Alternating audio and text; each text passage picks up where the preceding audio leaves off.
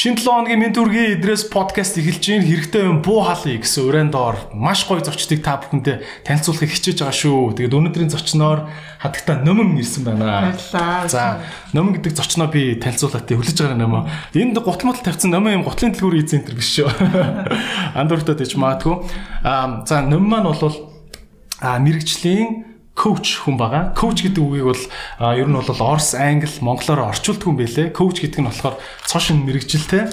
За, нэмгөө танилцуулъя. Нэм болохоор олон улсын мэрэгжсэн коуч гэдэг мэрэгжилтэй Английн алдартай Chevening Scholarship гэдэг том тэтгэлэг байдаг. Энэ болохоор Англи улсын хамгийн алдартай тэтгэлэг байгаа. Энэ тэтгэлгийг хоёр удаа хүртчихсэн Англид магистрийн зэргийг коучинг сэтгэл зүй гэдэг магистрийн зэргийг Англид хийсэн мөн Англид бас бакалаврын зэрэг хийсэн хоёрч бакалаврын зэрэгтэй өндөр эрдмийн зэрэгтэй а та бүхэн мэдж байгаа энэ head hunting гэж ярьдаг энэ компаниудад маш мундаг мундаг ажилтнуудыг олж өгдөг ийм HR-ийн төрлийн хөдөлмөр зуучлалын Монголын номер 1 компани Mongolian Talent Network гэдэг компани бас захирлаар ажиллаж исэн. А за ийм эмэгтэй байна. Тэгээд Английн Warwick University гэж байгаа тийм хүмүүс сонсч ирсэн бах. Ийм алдартай их сургуулийг алдартай тэтгэлэгтэй төгссөн эмэгтэй байгаа. За тэгтээ нөм төрүүлж байгаа зөө. За манайх ингээд нэвтрүүлэг маань бас хөгжиж дэвшин хажуугаар те аль биесны спонсортой байгаа. Өнөөдрийн маань эпизод тэгээ та бүхний цагаа гаргаж аваад баярлалаа. Спонсор бас товчхон танилцуулаа тий. Тэгээ та бүхний энэ харж байгаа гутал бол Colehan гэдэг Америкийн брэнд байгаа. Colehan брэнд энэ ч бичгээр харагдаж байгаа. А улсын их дэлгүүрийн 3 дугаар давхурт Улаанбаатар их дэлгүүрийн 5 дугаар давхурт Шангрилагийн 1 дугаар давхурт байдаг энэ брэнд байгаа. Тэгээд энэ брэнд маань болохоор та бүхэн харж байгаа энэ хоёр патинк байгаа. Энэ нь бол маш юм уян хатан супер уултай. Энэ нь болохоор Zero Grand гэдэг нэртэй ийм уул байгаа. Тэгээд энэ брэнд нь бол уулныхаа технологиор их ялгардаг. Ерөнхийдөө уулныхаа нэршлэр өөрийнхөө загваруудыг нэрлээ явдаг. Аа Миний л мэдхийн Нью-Йоркт айгүй харагддаг байсан. Тэгсэн чинь ер нь Америкийн айгүй алдартай брэнд дэлхийн 80 гаруй орнд салбартай аа Америкийн Сан Франциско, Нью-Йорк мэтийн метрополитен хотуудаар энэ санхүү технологийн салбарын завгүй залуучууд гонжин дээр ч өмсдөг, жирийн хувцсан дээр ч өмсдөг ийм стилтэй гутлын брэнд байгаа. Тэгээд пүүз нь пүүз нь бас амар гоё. За ингээд спонсороо ямар ч байсан танилцуулчлаа. Цаашаа шууд яриагаа өргөжлүүлээ явъя те. Окей нөмө а коучинг гэдэг бол аим шин мэрэгжил. Би ч гэсэн ерөөхдөө сая өнгөрсөн онол сонссон л дооч юмс те. А ямар төстэй тийм коучинг, advisor, consultant а өөр юу лээ те ингээд тренер гэдэг ийм үгнүүд байгаад байна л да. Ялгаа нь юу юм? Аха. За эхлээд коуч гэж юу вэ гэдгийг тайлбарлах хэрэгтэй тий. Тэгэхээр коуч хүн гэдэг бол тухайн ажиллаж байгаа хүнийхээ ажил амьдрал карьерт нь илүү амжилттай тий илүү аз жаргалтай илүү нөөц болцоог нь дараагийн түвшинд аваачихт нь тусалдаг чиглүүлэгч. Тэгэхээр коуч мэрэгжлийн коуч хүн бол хизээч чам зөвлөгөө өгөхгүй идрээ идрээдэг гэж хэлэхгүй. Зөвхөн асуултаараа тэр хариултын чамаар өрөвч нь олно гэсэн. А ялгааны хувьд болохоор за консалтинг гэж нэ зөвлөх гэхээрээ тухайн одоо мэрэгчлэр мэрэгсэн чиний асуудлыг хараад окей танай компани ийм асуудалтай байна. Ингэж шийдэх хэрэгтэй. Ийм ийм ийм алхмуудыг авах хэрэгтэй гэж зөвлөн гэсэн. Тэгэхээр яг нэг салбар дээр нэг юм дээр л тийм мэрэгсэн хүмүүсийг хэлж байгаа юм те. А сэтгэл зүйч гэж гарч ирдэг. Ямар ялгаатай. Counseling гэдэг те англиар сэтгэл зүйн зөвлөгөөгөөс юугаараа ялгаатай. Ингүүл сэтгэл зүйн зөвлөгөөд илүү сэтгэл зүйн тал руу оншилдог. Тэ? А тэгэд илүү жоохон өнгөрсөн цувралсан. Тэр чи хүүхэд насандаа яасан, чамд ямар зүйл болж исэн ч гэдэг юм уу. А коучингийн ялгаа болохоор илүү ирээдүйд суурилсан. Хамгийн гол нь хамгийн гол нь үрдүн үрдүн үрдүн. Үрдүнтэй авах хэрэгтэй. А тийм ялгаанууд. Шиний үйлчлүүлэгч чинь гараас нь улам их юм гардаг болох хэвээр тий. Гардаг болох хэвээр тэр нь гарт баригдах хэвээр нүдэнд үзэгдэх хэвээр. За тэгсэн ч гэсэн бас хүмүүст маань ингээл бас ч ойлгомжгүй байж магадгүй. Би бол ойлгох гэж шантаагаар хагас жил ярьсан шүү дээ тий. А үзэгчтэй нэг деталийг бас хуваалцахад а нөм бол яг миний коуч байгаа. Би бас номонд 7 хоног болгон нэг цаг ярддаг. Тэрнийхэн төлөө айгүйх за миний л хувьд их мөнгө шүү төлдөг тий. А ер нь бол их үнэтэй санагдчихсэн боловч надад бол сүултээ ингээд гараас гарч байгаа ажил бүр амар ихсэл өөрийнхөө мангар олон алдаа дутагдлыг ингээл чиний одоо чиглүүлж байгаагаар тий олоол болиол ингэнгүүт үнэхээр надад бол бүр тасархаа санагдаж байгаа. Аа за энэ коуч болно гэж яад хин хин коуч болд яаж коуч болд За яг олон улсын хэмжээнд мэрэгсэн коуч болохын тулд нэг л том байгууллага байна. Тэр нь болохоор International Coaching Federation буюу олон улсын коучингийн холбоо. Одоогийн байдлаар 140 гаруй оронд одоо коуч нар байна. 30 гаруй мянган коуч нар байгаа. Тэгэхээр энэ одоо холбооны мэрэгсэн коуч болохын тулд яах ёстой юм бэ гэхээр гурван зэрэг зэрэгээр коуч болгодог байхгүй. Нэгдүгээрт нь associate coach анхан шатны коуч, хоёрдугаарт нь professional coach, мэрэгжлийн коуч, гуравдугаарт нь master coach гэх. Дэлхийд дахинд бол баг 2000 master coach л байгаа. За. За тэгэхээр дор хаяж нэг нэг жилийн баг сургалтанд суун. За хоёрдугаарт нь 500 цагийн төлбөртэй коучинг хийн. Аа тэгээ зарим тохиолдолд коуч хийж байгаа тэр бичлэгээ явуулна. Тэр тухайн хүмүүс сонсох нь шүү дээ, тий. Аа тэгээ шалгалт өгнө. А тэгээ хариугаа хүлээхдээ баг нэгээс 3 сар бол тэр маш удаан хугацааны процесс ахгүй. А би бол хэдэн жилийн өмнө анхны Монголоос анхны ACC коуч болж исэн. А тэгээд гэдэг нь юу лээ? Одоо анхны шатных нь 3 төрлийн коуч. А тэгээ түрүү жил болохоор professional буюу мэрэгжлийн коуч болсон. Гэдэг чинь чи бас ингээл хэдэн зуун цагийн ингээл ажил мэл хийсэн гэсэн үг. Тийм, хэдэн зуун цагийн ажил хийгээд нэмэгдэхээр профешнл гоёо 2 дугаар левелийнх нь коуч болж байгаа байхгүй юу? А өнөөдрийн байдлаар бол би саяхны хүртэл миний нь нэг сургалт орж исэн ихч маань бас нэг анхан шатын коучийн болсон гэсэн саяхан. Тэгэхээр одоо миний мэдж байгаагаар Монголд бол хоёр коуч байна. Би бол дээр үд коуч гэхээр нэг юм бич ахта Facebook дээр профайл дээр ингээл professional coach энэ төргээл ингээл about дээр бичсэн те. Тэгэл болчдөг нэг нэг юмдаа мундаг хүнийг коуч гэдэг юм байна гэж би ойлгоод байсан. Аха. Коуч дотроо бол амьдралын коуч, карьер коуч, хүний коуч, өдөр тутмын коуч гэдээ байгаа шүү дээ. А гэхдээ одоо бизнесийн коуч гэх юм бол би одоо компани удирдсан туршлага чамд зааж өгч болно тий. Тийм байдлаар зарим хүмүүс бол тэр нэршлиг хэрэгэлдэг. А зүгээр яг мэрэгжлийн коуч гэвэл чамд зөвлөхгүй гэсэн үг байхгүй юу? Тийм. А зүгээр бол 3 сарын ч юм уу 14 хоногийн сертификатаар сурцсан те би амьдралын коуч 7 хоногийн дотор одоо өөртөө ихтэй болъё 30 хоногийн те өөрийгөө олъё молъё гэдэг бол бас яг хэцүү яа. Хэцүү юм тий. Аа тэгээд өөрөө ч бүр ингээд англид мастерын зэрэг хамгаалсан баа тий. 2 жил сурсан уу 1 жил үү? 1 жил. 1 жилийн мастер. Магистр 1 жил байдаг англид. За эн чинь бас тэр коучинг сертификат чинь нөлөөлөх үү? А би бол тусдаа мэрэгсэн болцсон байсан. Тэгээд коучинг яагаад суралцсангүй гэхээр одоо нөгөө англид юм олон улсын түвшинд ажиллахлаар Аз эмэгтэй залуухан тэгэхээр сул тал болохгүй байдаг байхгүй. Нөгөө Оксфорд, Кембриж, Харвард төгссөн PhD-гээр сэтгэл зүйн хамгаалцсан хүмүүсээс коуч авах сонирхолтой байдаг. Тэгэхээр тэр хүмүүсээс яаж ялгарх вэ гэхээр яг топ сургуульд коучинг сэтгэл зүгээр сурцсан хүмүүсийг хор байдаг. Тэгэхээр би яг энэ мэрэгжлийг сонгож суралцсан. Өөртөө арай жоохон даваа байдал үүсэх гэж. Тийм өрсөлдөх чадвараа сайжруулах гэж гисэн. Тийм ээ. Дэлхийд дээр хэдэн коуч байдаг гинэ? За яг энэ олон улсын коучинг холбоогийн дагуу бол ойролцоогоор одоо нэг 40 мянга орчим коуч нар байгаа. Аа яг энээс дагуу бас нэг топ сургуулиудын те бас өөр өөрөөсөө гаргадаг мэрэгсэн коуч нар гэх юм бол за нэг 50 мянган коуч байгаа гэж бодоход жилийн одоо орлогын хувьд эргэлтний 2.3 тэрбум долларын хэмжээнд яригддаг. Бөөх за. Тэгэхээр тэрийг л одоо энэ 40 мянган хуваагаал авч ийн гэсэн үг шүү дээ. За бас үгүй тэгж ойлгож болохгүй. Яг нөгөө financial санхүүгийн коуч нараас аяг байдаг тусдаа мэрэгшээгүй. А 95 оноос хойш бол яг удирдах төвшний коуч гэж аяух эрэлттэйгээр гарч ирсэн байхгүй. Тэр үед бол дэлхийд дахинд мэрэгсэн коуч ерөөсө 2000 л коуч байсан. Тэгэхээр юу гэсэн үг вэ гэхээр сүүлийн 15 жил ялангуяа сүүлийн 5 жил энэ мэрэгжил бол маш эргэлттэй байгаа. Бүүн болж байгаа гэсэн. Тэгээ ялангуяа пандемиктэй үед бол өөрөө ч ажил үнэхээр гоё юм шиг санагдсан шүү дээ. Зүгээр өдөр чинь лаптопоор ингээл календар дээр нэг нэгээр хүмүүстэй. За одоо чамтай ярин чамтай ярин гэж яриа суучдаг билж шүү дээ. Аха. Тэгээ энэ дээр бол яг хуу хүмүүстэй уулзна, бичилж уулзна. А тэгээ бас онлайнаар өгнө. Бичлэлт уулзахаар шүү дээ, тэ чиний биений хилэмж одоо энэ өрөөнд байгаа орон зай гэдэг юм уу те нүдэнд харагдахгүй тийм мэдрэмж үүсдэг болохоор бас давуу талтай. Гэтэ их их удирдлагын хүмүүс чинь нөгөө энэ тэнд оронд нисэж явдаг буудлын өрөөнд ингээ байгаа учраас яг тав тухтай орчиндөө хөвч авах хүсдэг байхгүй юу. Тэгэхээр 50 50 үйл гэж ойлгож байна. Тийм ээ. Аа үн ханшны хувьд ер нь ямар байдیں۔ Ер нь ямар коучуд хитэн төгрөгөөр одоо цагийн зөвлөгөө өгнө гэж ярих уу одоо юу хөө Тийм, коучинг сервис үйлдвэрлэлгээ үзүүлдэг. Яг зөвлөгөө өгнө гэдэг уг нь монголоор их сайхан ярмаар байгаа боловч зөвлөгөө гэдэг чи өөрөө инктиг гэ зөвлөх гээд нь шүү дээ. Тийм биш учраас коуч гэд гадаад нэр хэрэглээд байгааг бас хүмүүс мань ойлгох те. За, үн ханшны хувьд болохоор янз бүр.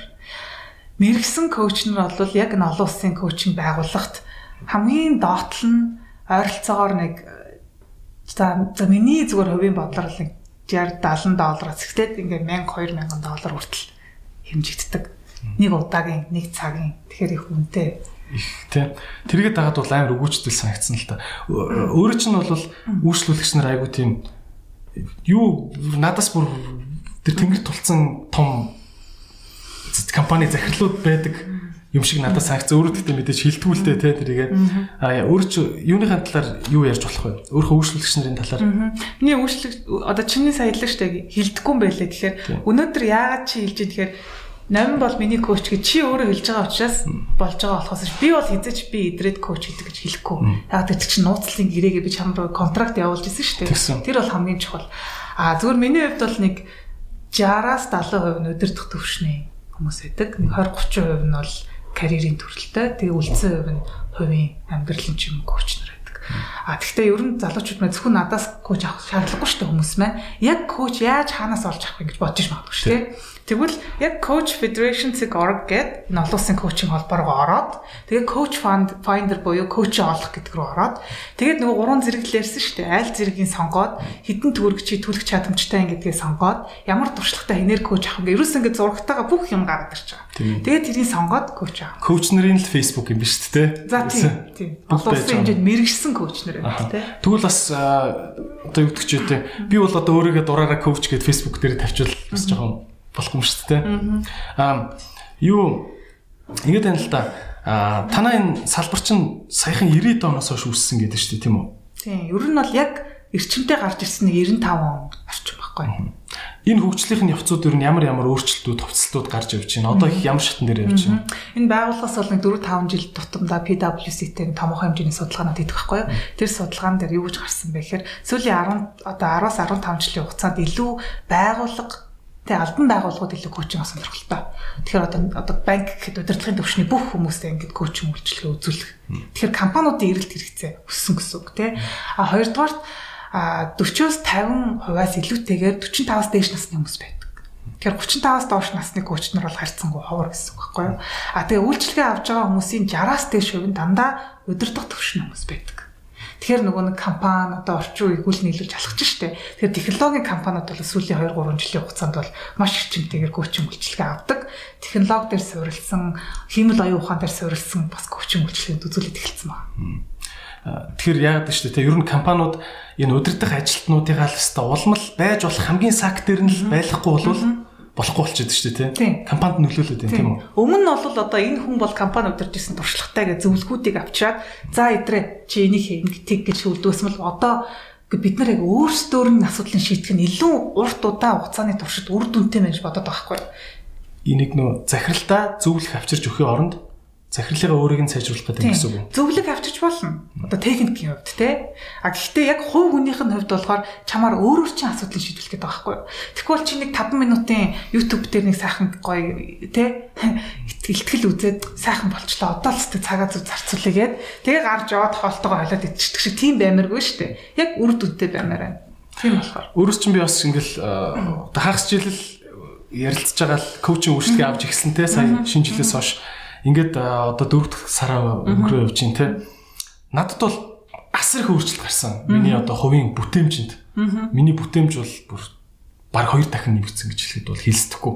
Facebook руу ч би өдөрт цаг 30 минут ордог байсан хүн одоо ерөөсөө өдөрт 20 минут Facebook руу орохо болчиход байна шүү дээ. Тэ? Ингээд бүр дадал мадал асар өөр болж байгаа. Тэгээд анзаараад хад коучинг гэдэг юм ингээл нэг удаа зөвлөл болчдөг юм биш юм бэлээ л дээ. Би бол өөрөө ч одоо хизээ канселдах бол мэдэхгүй ингээд байнга л хамт явж ивэл зүгээр юм шиг санагдсан. Нэг хүн ингээд нэг коучтойгоо ингээд гэрээ байгуулахаар хэр удаа ингээд хамт явдаг юм. За, компани буюу хувь хүн үү аль нь гэдгээс шалтгаан. За, хувь хүн дээр ярив. За, хувь хүн дээр ярих юм бол эхлээд чи коуч авч байгаа шалтгаанаа тодорхойлох хэрэгтэй. Тэр тэрийг нэлээд одоо ярилцах хэрэгтэй байхгүй юу? А тэгэхээр би бол яг одоо энэ манлайлалын ур чадвараа сайжруулъя. Яг одоо энэ сонсгоны чадруудаа сайжруулж гэж байгаа л окей. Тэгвэл хоёлаа эхний ээлжинд нэг 3 2 сар коуч хийгээд үзье. А тэгээ 2 сарын дараа бол за ер нь их айтайхан болчлоо шүү. Одоо нэг хэдэн сартаа бол би бол шаардлагагүй юм шиг байна. А тэгээд сарын дараа надад нэг өөр асуудал байна. Би хүмүүстэй харилцаж чаддаг байна. Энэ чадвараа сайжруулж гэх юм уу те. Компани удирдах чадвар хэрэгтэй байж гэх юм уу. Тэгэхээр юу гэсэн үг вэ гэхээр 4 удаа байж болно 40 удаа байж болно тэр хүн бол коучинг үйлчлэгээ авж байгаа коучи гэж нэрлэдэг те тэр өөрчлөлөгчийн сонголт байхгүй А одоо сэтгэл зүйчдэр очиод нэг удаагийн байдлаар ингээл депресс ч юм уу сэтгэл готрлоосоо гардггүй шүү дээ. Ярилцаал яваад байдаг. Тэгэхээр яг адилхан гэсэн үг. Тэр энэ бол амар бас ирээдүйтэй тийм салбар юм шиг харагдаад байгаа байхгүй тий. Одоо ингээд бас э, хүмүүс тий бодож л байгаа. Йоо би нь коуч болт юм билээ өнтер гэд тий. А өөрөө төр хэллээ бас ингээд дэл ингээд өөр чинь бас гадаад юунууд байдаг те үргэлжлүүлэгч нар. Тийм баг талаас илүү гадаад талаас илүү хүмүүс гадаад хүмүүс тэгэл интернетээр яриа л те. Би ч гэсэн өөрөөс чинь зөвлөгөө авахдаа ер нь баг 80% нь дандаа л холоос те видео чатаар л авдаг тийм үү. Аа ингээд байна л та. Гадаад хүмүүс энд байгаа нэг Монгол залуухан эмэгтэйгээр одоо амьдралаа чиглүүлүүлж аваад байгаа маяг шиг болчих гээд шүү дээ. Тийм шүү дээ. Би одоо хинбэ болчиход байна шүү дээ. Тэгэхээр яаж ингэж тэр хүмүүс өөрт чинь одоо бүр мөнгө төвлөх хэмжээнд том захирлууд л байгаа шүү дээ. Аа тэгж өөр чинь одоо хүлийн зөвшөөрөлтөд энэ процедур яаж хүлийн зөвшөөрөгддөг салбар дээр том захирлууд л байгаа шиг байгаа штэ гэж хэлсэнтэй. Энэ дэр бас бас тийм биш шүү. Хинч коучинг сервис авч болно. Аа хүлийн зөвшөөрөхтөр би бол анх За энэ коучингийн байгууллагт нь ингээд Монголын анхны мэрэгсэн болчих юм бол одоо ингээд учиргүй хүмүүс клиент аваал те үйлчлүүлэгчтэй болол амжилттай байх юм байна гэж ботсон чинь бодит байдал дээр олон улсын төвшөнд надаас илүү мэрэгсэн те нөгөө Cambridge, Oxford, Harvard сургуульд нь сэтгэл зүгээрээ PhD хийсэн хэдэн мянган хүн байгаа хгүй. Тэгэхээр яагаад залуухан эмэгтэй тэгээ Аз те хүнээс зөвлөгөө авах хэвтэй. Тэгэхээр нэгдүгээр би за би илүү мэрэгсэн болох хэвтэй байна. Коучинг сэтгэл зүгээр сурсан. Хоёрдугаар network өөрийнхөө тэр орон зайг бий болгох хэрэгтэй. Тэгэхээр би networking бол аюу их сайн. А тэгээд мэрэгчлээ дэвшүүлсэн. Тэг коучинг сэтгэл зүй чиглэлээр топ Одоо өөрөө чинь уучлаарай ярин төслөө. Би амар их яриад таслаа шүү манайха. Энийг гэдэгтээ багсаж байгаа. Яг би хүлэн зөвшөөрөх гэдэг юу гэж хэлээд байна л та. За яг хоёулаа бол ингээд үеийн болохоор би бол өөр чинь ингээд надаас илүү мэдж байгаа юм чи тэрнгээр нь би ингээд залуулмаар шүү дээ тий.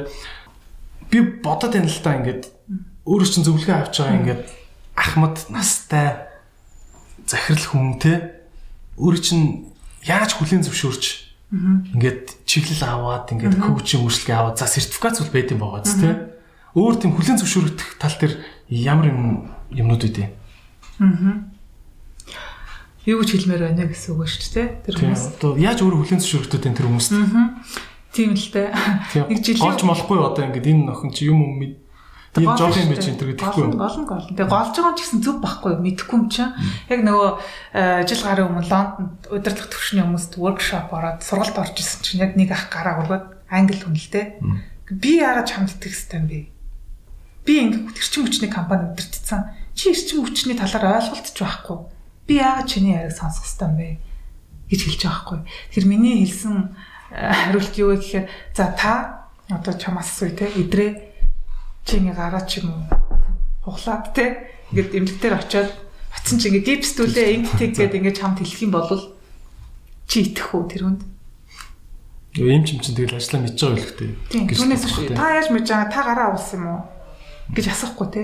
Юу гэсэн үгээр тухайн хүний тэр эмчийн мэрэгчлэр сурсан мэдлэгт нь итгэл үнэмшил үзүүлж байгаа байхгүй юу. Тэрнтэй адилхан би бол мэрэгжлийн коуч хүний хувьд хизэж чамд юу үлгэж чинь заахгүй шүү. Гэтэ миний сурсан, одоо мэдсэн, магистрийн зэрэг хамгаалсан, олон улсын түвшинд хүлээн зөвшөөрөгдсөн энэ зүйл чинь өөрөө Эрдэм номонд нь тий. Тий, номонд нь гидүүн хүн коуч болсон гэдэг туршлаганд нь тэгэхээр нэг остой би зүгээр гүүр байхгүй юу. Энд идрээ байгаа, энд идрэгийн очмоор байгаа зорилго байгаа. Миний хувьд бол зүгээр чиглүүлэх гүүр. Түүнээс шиг миний мэрэгжил, миний туршлага бол энд ерөөс хамаагүй. Харин айгүй их тийм техникүүдтэй л байт юм билээ те. Хоёлаа ингээл нөгөө яасан штэ. Жилийн ихэнд миний зорилгоодыг чагсааж байгаа л те тэндээс нь хамгийн чухлуудыг ингэж ялгаа хүн хүн бол ингээд нэг л их зориг тавиад ахаас үш өстой яг хүрх өстой хамгийн чухал мөхлөө ялгаж мэдтгүй шүү дээ тий. Харин иймэрхүү юмнууд би бас аюух техник байт юм байна да гэж бодож исэн. Аа юун дээр ийм байна л да. Би бас энийг асуу гэж бодод исэн. Аа коуч болохын тулд энд одоо коуч болъё гэд бодсон байгаа охин суучлаа гэж бодъё тий. Ямар ямар юм суур чадварууд суулгаж явах хэрэгтэй өөртөө. Нэгдүгürt яалтчгүй коучинг сэтгэл зүйтэй шууд утгаараа холбоотой. Тэгэхээр коучинг юм уу, тархины шинжилгээ ухаанаар сурсан байвал эсвэл сурч байвал илүү давуу талтай. А зүгээр нэг хувь хүний чадруудыг ярих юм бол хамгийн нэгдүгээр сонсох чадвар хэрэгтэй. Сонсох зүгээр ахаа хаа гэх юм уу яах те. Хоёрдугаар асуулт асуух чадвар. Асуултаараа чиглүүлэх чадвар. Гуравдугаар анзаарах чадвар.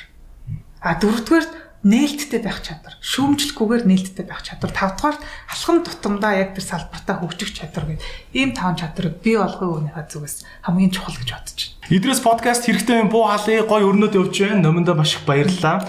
Номон бит хоёр цаашаа гой сэдвүүдээр ярилцах болон та бүхэн сайхан шеэрлээд өгөөрөө хөтлөгчийн үед би бас алдаа мадгаа бол маш их засч хичээж ажиллаж байгаа шүү. Яриа таслах нь гайгүй байсан юм зү нэмэ. Гайгүй. Гайгүй үстэй тий. Гадаад үгний хэрэглээг үстэй байка. Тэгэл гадаад үг хэрэглэж боллоо. Тэр тийм ээ. Гэхдээ яг коучинг гэдэг чинь угаасаа орчуулах нь чаргагүй. За тэгээд өнөөдрийн өнөөдрийн эпизодын аль биесны спонсор Америкийн Colhan брэнд байгаа. Америкийн одоо Нью-Йорк, Сан Франциско гээд завгүй хотуудын бүх салбарын залуучуудын гангардаг айгүй гоё гутлын брэнд байгаа. Тэгээд бид нарт Colhan брэндийн зүгээс нэг гутал арчлах жижигхэн зөвлөгөөг хүргэх гэж байна. За, намайг төрүүлж байгаа за. За, гутал арчлах 5 зөвлөгөө та бүхэндээ хүргэе. Эхний зөвлөгөө нь бол гутлыг байн арчилж явах хэрэгтэй гэдэг зөвлөгөө. Тэ. А тэгвэл арчлахтаа хамгийн гол нь зөрүүлтийнх нь юмар арчлах хэрэгтэй. Би гутлыг угаалгын машинд угаачдаг гэсэн бохоггүй. Айгүй буруу юм байлээ. Гутлын чанарт их муугар нөлөөлдөг. Тэгэхээр ер нь бол гутлын хоншоорлоо зүгээр цацчдаг ийм зөрүүлтийн а үнтэй бишээ ийм юу гэдэм бэлээ? Хөөс үдэм бэлээ? Энүүгээр нь цэвэрлж байгаараа. Тэгээд мөн гутлаа хатаахтай айл болох дотор нь даавуу цаас чихээд ингээд хэлбэрийг алдах алдуулахгүй хатаж ивлэхгүй гэдэм бэлээ. Аа тэгээд бас дарааллын хувьд бол ингээд нөгөө тоосын сайн цэвэрлээгүй үжиж шингийн ямар цэвэрчгээр муухай олцдог тийм а энэ дээр их анхаараарай. Тэгээд тос соргочоор бас пүүз мүзээ эхлээд сорж байгаа дараа нь цэвэрлүүл бас зүгээр юм бол. Гэдэм бэлээ. За тэгээд болоо Гэтэ ер нь чам шиг ингээд юм англиас 100% амар тэтгэлэг авчаад за би энэ жил явахгүй гэж нэг хэлжсэн юм байт юм. Аа яг үн читгэлгээ алдна гэж айдгүй юм уу? Гэтэ яг үндэл гэж яхаа ярахад эйгүү. Яагаад тэгэхээр дотроо бол би одоо ямар нэг хүний боломжийг авцсан байх үү дээ. Яаж байгаа байхгүй юу? Гэтэ нөгөө тэтгэлгийн засгийн газар чинь нөгөө ям юу чинь эмбасинууд чинь нөгөө резерв листтэй идэг штэ. За. Одоо энэ хүн үгүй гэх юм бол дараа нь 10 байждаг байхгүй юу? Тийм. Тэгэхээр миний хувьд бол дахиад аавна л гэж итгэсэн л дээ авч чадна. Nice. Илүү сайн авсан шүү дээ. Баярлалаа. Башин дуртах тий. Англи хэлчэндээ маш их баярлалаа. Nice. Баярлалаа. Аа за хэдүүлээ жоохон сэдвүүдэд хурд хурдан солиё гэж бодож чинь дандаа коуч ингээд яах вэ? Ном бол маш их ном уншдаг. Тэрийг нь тэр нь бол бас нэг вебсайт маятаар ингээд яваадсан шүү дээ тий. Жилд хэдэн ном уншдаг лээ ном чинь? За 100 ном уншдаг. Йоо, жилд 100 ном. Гэтэ яг ингээ хэлэхээр одоо сүүлийн үед бол баг иччихээн. Яагаад тэгэхээр чи нөгөө тоон тачилбаг л өсөх байхгүй юу? Чи quality чанар болохоор 100 байна уу 5 байна уу хамаагүй. Гэхдээ миний өөрийн зорилго бол тий. Гэтэ хамгийн гол нь зүгээр нэг зорилго тавиад тэрийг ингээ биелүүлээ яваад байгаа гэдэг нь цаанаа нөгөө номныхон 100 гэдгээс илүү илүү надад бол юм сахилга бат бат а өндөртөөг чинь харуулсан юм болов гэж би ч юм. Тийм болохоор би вау гэдэг чинь. Баярлалаа. За ном номтой бол би мэдээж найзууд бас найз залуутай бас гоё найзууд те. Аа хувь юм ярихад бас найз залуу манай хүн чинь Америк залуу юм а те. Гэтэ айгүй сайхан Монголын сайхан үргэн шүү манайха зөвөр хүлээж аваа. Та хоёрыг ингээд харж байхад те хідүүлээ бас ингээд Москвцкоо дуулзаал яхад надад айгүй тийм гоё санагдсан байхгүй. Манай хүн ингээд нэг эмхтэй хүнийг амар ингээд гоё гоё ингэж хүндэлж чам бол аяа хөндлөж гоё ярьцдаг. Би тэрнээс нэг суралцахыг хүсдэг байхгүй. Тэ а бас ингээд өөрөө бас эмгтэй хүн коуч учраас би иймэрхүү хэрэгтэй нэрмаар байна л та.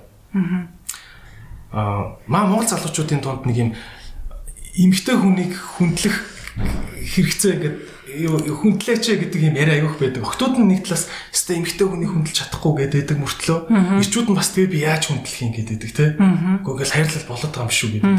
Энэ дээр юу гэж боддгоо. Эмгтэй хүнийг хүндлэхийн гой гой жишээнүүд юу вэ?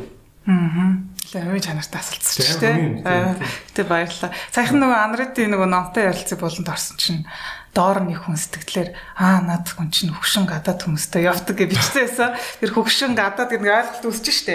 Тэгэхээр би тэрийг уншичаад Тийм биш шүү мөн. Тэрийг уншичаад ер нь баг илүү нээлттэй ярилцах хэрэгтэй байж утсан. За эмгтээчүүдийг хүндлэх гэдэгтэр би бол харин ч Монгол залуучуудыг бол илүү эмгтээчүүдийг хүндэлдэг гэж хардаг. Ялангуяа сүүлийн үед ингээ ажиллахаар нэлих тийм боловсон хүндэлдэг их гой санагдаад байгаа. Зүгээр яг Европ, Америк залуучууд ч нөгөө хувь хүний эрх чөлөөг нь илүү үндтгэдэг штэ. Тийм үзэл бол байгаа.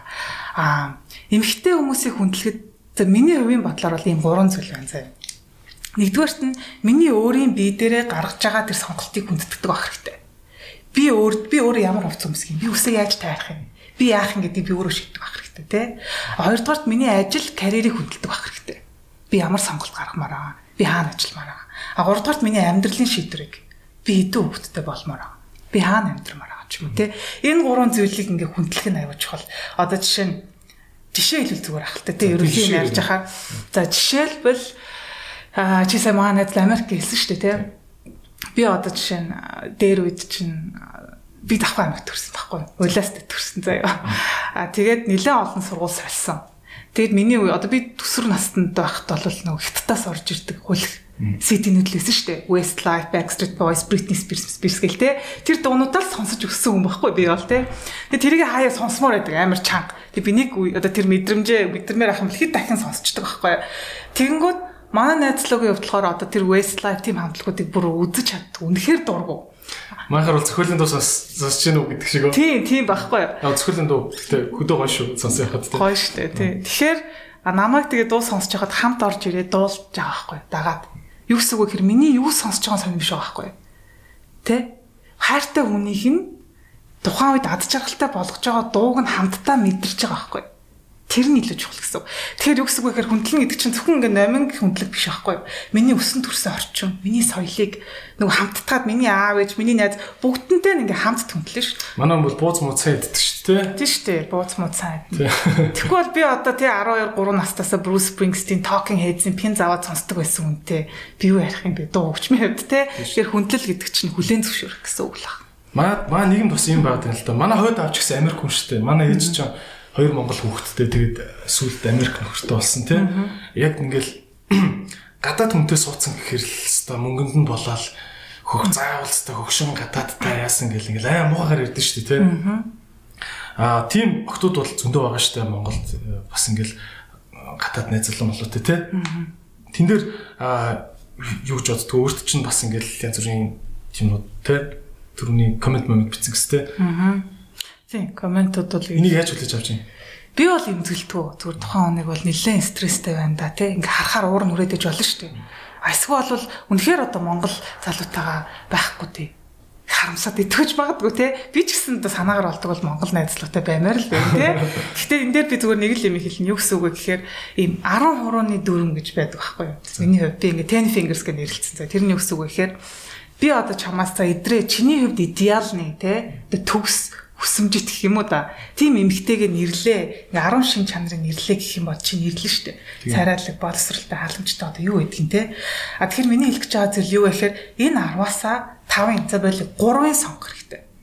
Яг чиний хувьд яг үнэт зүйл чинь юу юм гэдгийг 3-ын. А бусдыг хаях хүлэн зөвшөөрөх хэсэг бодол өөрөө ажиллах хэрэгтэй. Тэр хүн болох нэг аруулангийн хайгаа яваад идэг Тэр чин чи өндөр царайлаг хошин шогийн мэдрэмжтэй тэгээд дээрээс нь санхүүгийн боломжтой тэгээд бүр халамжтай тийм хаанч байхгүй тий. Тэгэхээр энэ асуултын чи хариултанд миний хувьд миний нөгөө гол үнэт зүйлд нь нийцсэн болохоор би сонгосон болохоос ш гадаад байна уу Монгол байна уу тий тэр бол ерөөс хамаагүй байхгүй. Хоёлоо нэр миний зорилгыг тэгж яасан шүү дээ ангилсан шүү дээ. Би ч нөгөө жилийн ихэндтэй бас сонирхолтой ярихад жилийн ихний зорилго гэдэг бид хоёр чинь шинэ жилээр зорилгоудаа бичсэн чинь хүн нэрэл яат юм бэлээ те дахин дахин бодохоор хүний яг гол хийх гээд байгаа юмд ямар ч холбоогүй юмнуудаа ингэж чихээд зорилгон дотор оруулсан байт юм билий тий. Тэгэхээр хүн яг зүр ханаа сонгох вэ нүү ажил ажиллаа сонгох вэ нүү яг гол юм нь юу вэ гэдгийг ингэж ялгадаг байхгүй бол зүр холио мадан болд юм байна да. Гол юм нь юу вэ? Чиний хувьд хамгийн үнэт зүйл нь юу вэ? Миний хувьд өндөр царайлаг хошин шогийн мэдрэмжтэй хахад чухал юм уу? Эсвэл бол үнэнч халамжтай намайг улам илүү сайжруулдаг байхын чухал юм уу? Чи сонголтыг хийх хэрэгтэй байхгүй юу? Түүнээс бүгдийг авах зүтгэж дайраад ч хийж болохгүй. Цагийн менежмент гэсэн яг адилхан. Буйка чи өөрийнхөө гурыг бичиж шүү. За. Аа би тэ танаа найз залууг тэ маа найзлаа. Аа бас ингээл юунд надаа юу нээр хой санагдсан гэх ингэж бодсаахгүй. Би ингээл эмгтэй хүнд амар эртнээс бэлгээ боддог байгаа надад маг таалагдсан байхгүй. Нөхөр надад хэлдэг байхгүй. Москва тааралдал. Би ингээд номын сюрприз барих гэж байгаа. Би ингээд 8 сарын өмнө гүржийн тийм гой цастаа уулан дундуур ингэж хуучин зөвлөлтийн үеийн богоноор явдаг тийм романтик богооны аялал 8 сарын өмнөөс төлөвлөөд авцсан одоо сюрпризлэгч байгаа. Чамаг байхт хэлхийм нэг надад ирцээ. Би тэг боцов. Маа зал тэг цаа бид Монгол залуучууд гэж байгаа юм шүү бас. Гэхдээ тэг миний л мэдих миний ойрын залуучууд а эмгтэй хүнд хизээч бэлгээ тэгж 8 9 сарын өмнөөс бодож байгааг би бол мэдгүй мэн. Тэ? Аа. Боддог хүмүүс байгаа л та. Байгаа. Байгаа бах тий. Надад бол тэр бол үнэхээр супер санагцсан байхгүй. А өөрөөр чамд за эрэгтэй хүн яг нэг ийм ийм юм хийвэл үнэхээр амар гоё. Эмэгтэй хүн ай гоё идэж гэмээр юм юу байна? Хэлэх жишээ. Миний бодлоор бол эмэгтэй хүнийг нэг тийм зөрөгтэй байхад нь байг туслах хэрэгтэй юм санагддаг. Яг тэгэхээр эмэгтэй хүмүүс ч яг тийм зөрөгтэй шийдвэртэй эргэлздэг байхгүй юу? сайн найзаасаа асууж бас чаддгүй ээж аавтайгаа тэр болгоо ялж чаддгүй. Тэгэхээр бүр нэг юм зөрөгтэй шийдвэрүүдийн гарахад хажуунаас нь ингээд бүр ингээд тий сайхан чиглүүлээд ингээд урам зоригтой. Алдсан чарч наа маань гэдэг.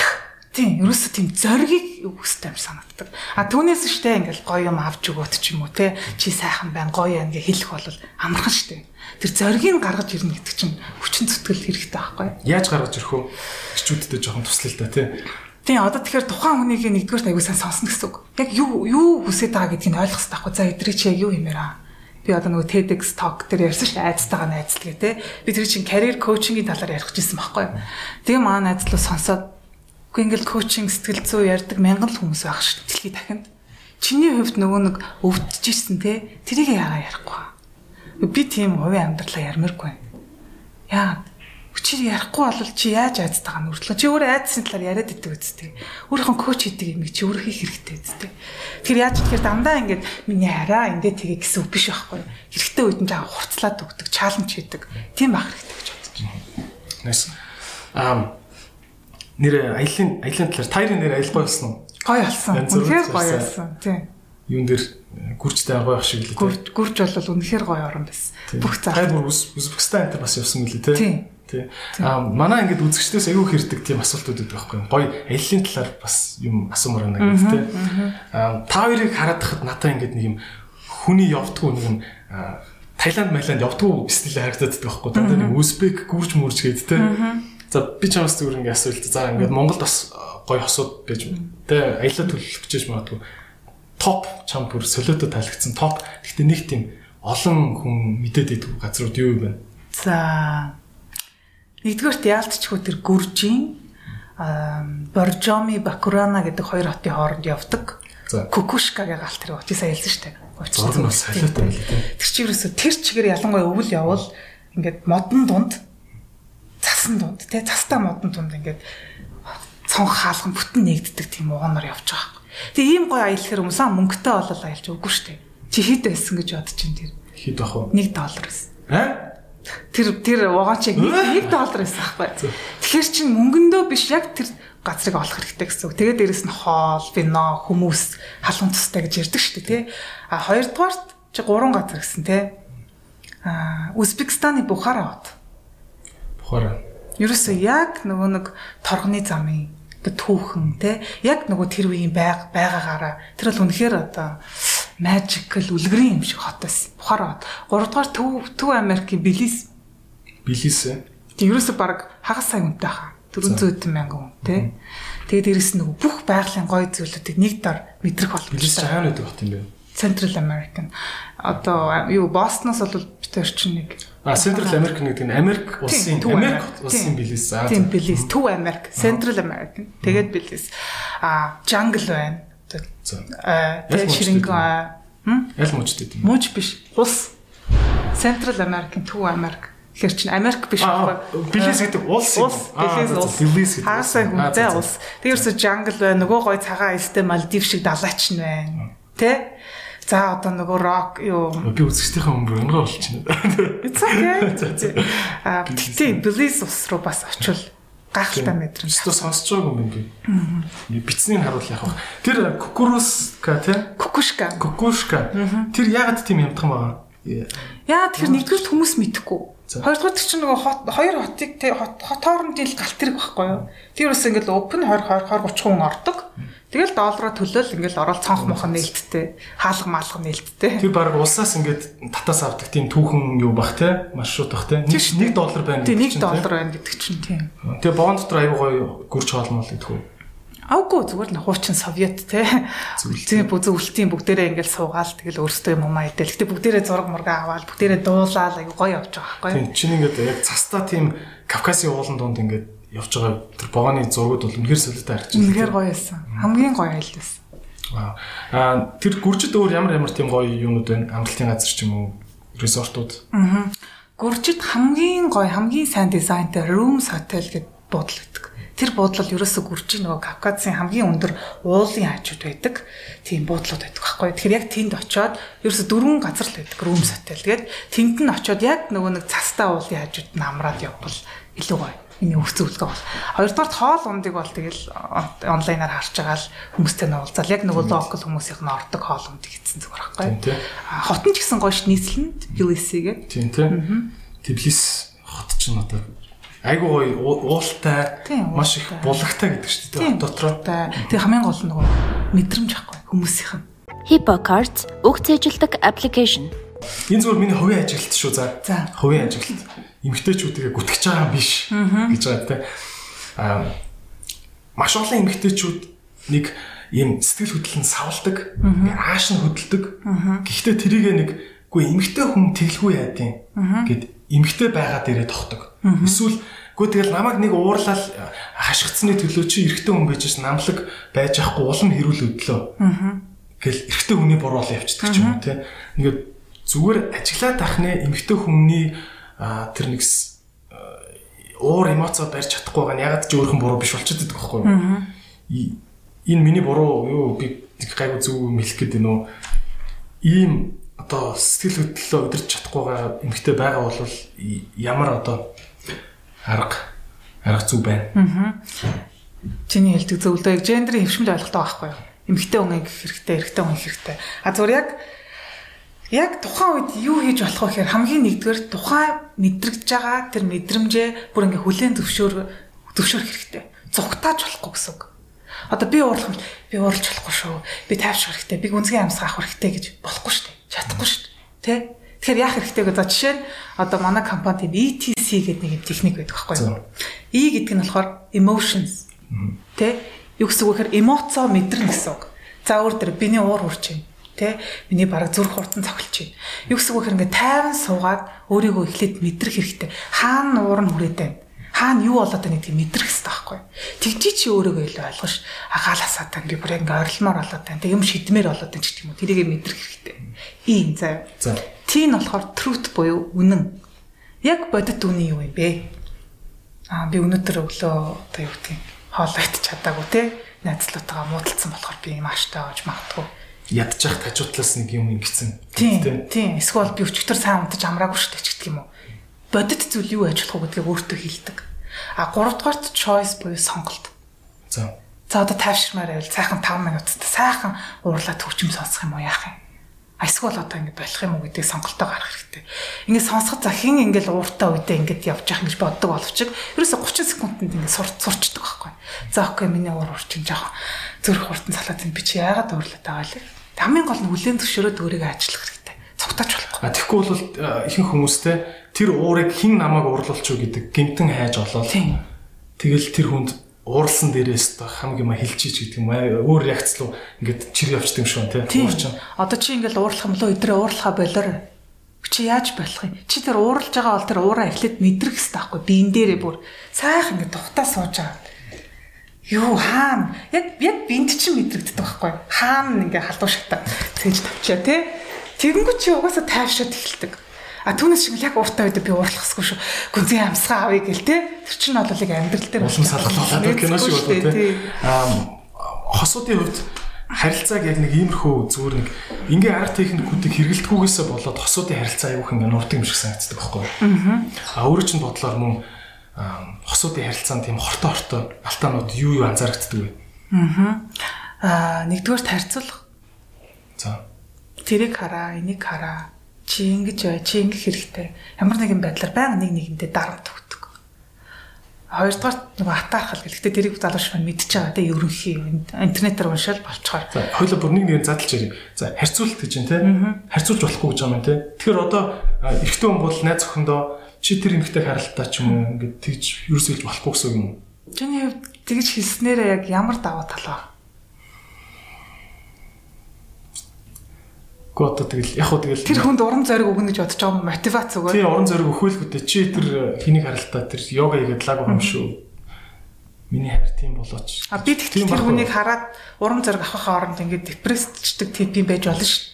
Би ийм болох юм уу да намайг тарган гэж байгаа юм байна гэж бодчих болно ш. Тэгэхээр ямар нэгэн байдлаар харьцуулчсан сэтгэл зүйн хувьд яг дарамт болоод эхэлж байгаа байхгүй. Тэгэхээр харьцуулж бол болохгүй. А тухайн хүн өөр дээр нь ажиллаж болно шүү дээ. Тэ? Миний хайр илүү сайхан эрүүл ахын тулд ямар байна? Өө би харин турт юм уу? Яавал турмаар санагдчихэв. Үгүй харин жоохон эрүүл хоолт юм уу? Тэгвэл хоёлаа эрүүл хоолт би яаж тусалж чадах юм? Байгаас нь илүү гоё болох гэдэг шүү дээ. Өөр хүн шиг гоё шүү дээ. Хэлэхгүй шүү дээ чи ингэлтэй чи чимд яв гэхгүй шүү дээ. Нөгөө үнээр чи өөрөөр нь хэлэх гэдэг ш. Нэгсэндээ коучинг техник ашиглаад байгаа байхгүй. А зүгээр хосуудын харилцааны хувьд бол өөр техникүүд байгаа тийм. За за энэ харьцуулах бол айгу апасны өөр ямар юм бэ? За өөр гэвэл мэдээж хэрэг хардталт хувийн орон зайг нь хүндэтгэхгүй байна. За. Тэ? А ерөөсөө хараа ингэж бодох хэрэгтэй байхгүй юу? Хэр хэмжээний хардталт нь нормалын хизэнээс ингэж хитрхийх болох юм. За би яг тэр чиглэлээр яг сайн судалгаа хийх болох нарийн тоо. Зүгээр миний хувийн бодол болохоор ер нь яг одоо хардах хэрэгтэй шүү гэж хүмүүс ярьдаг те. Гэхдээ хардах одоо монголоор бол харамлах хоёр чи арай өөр те.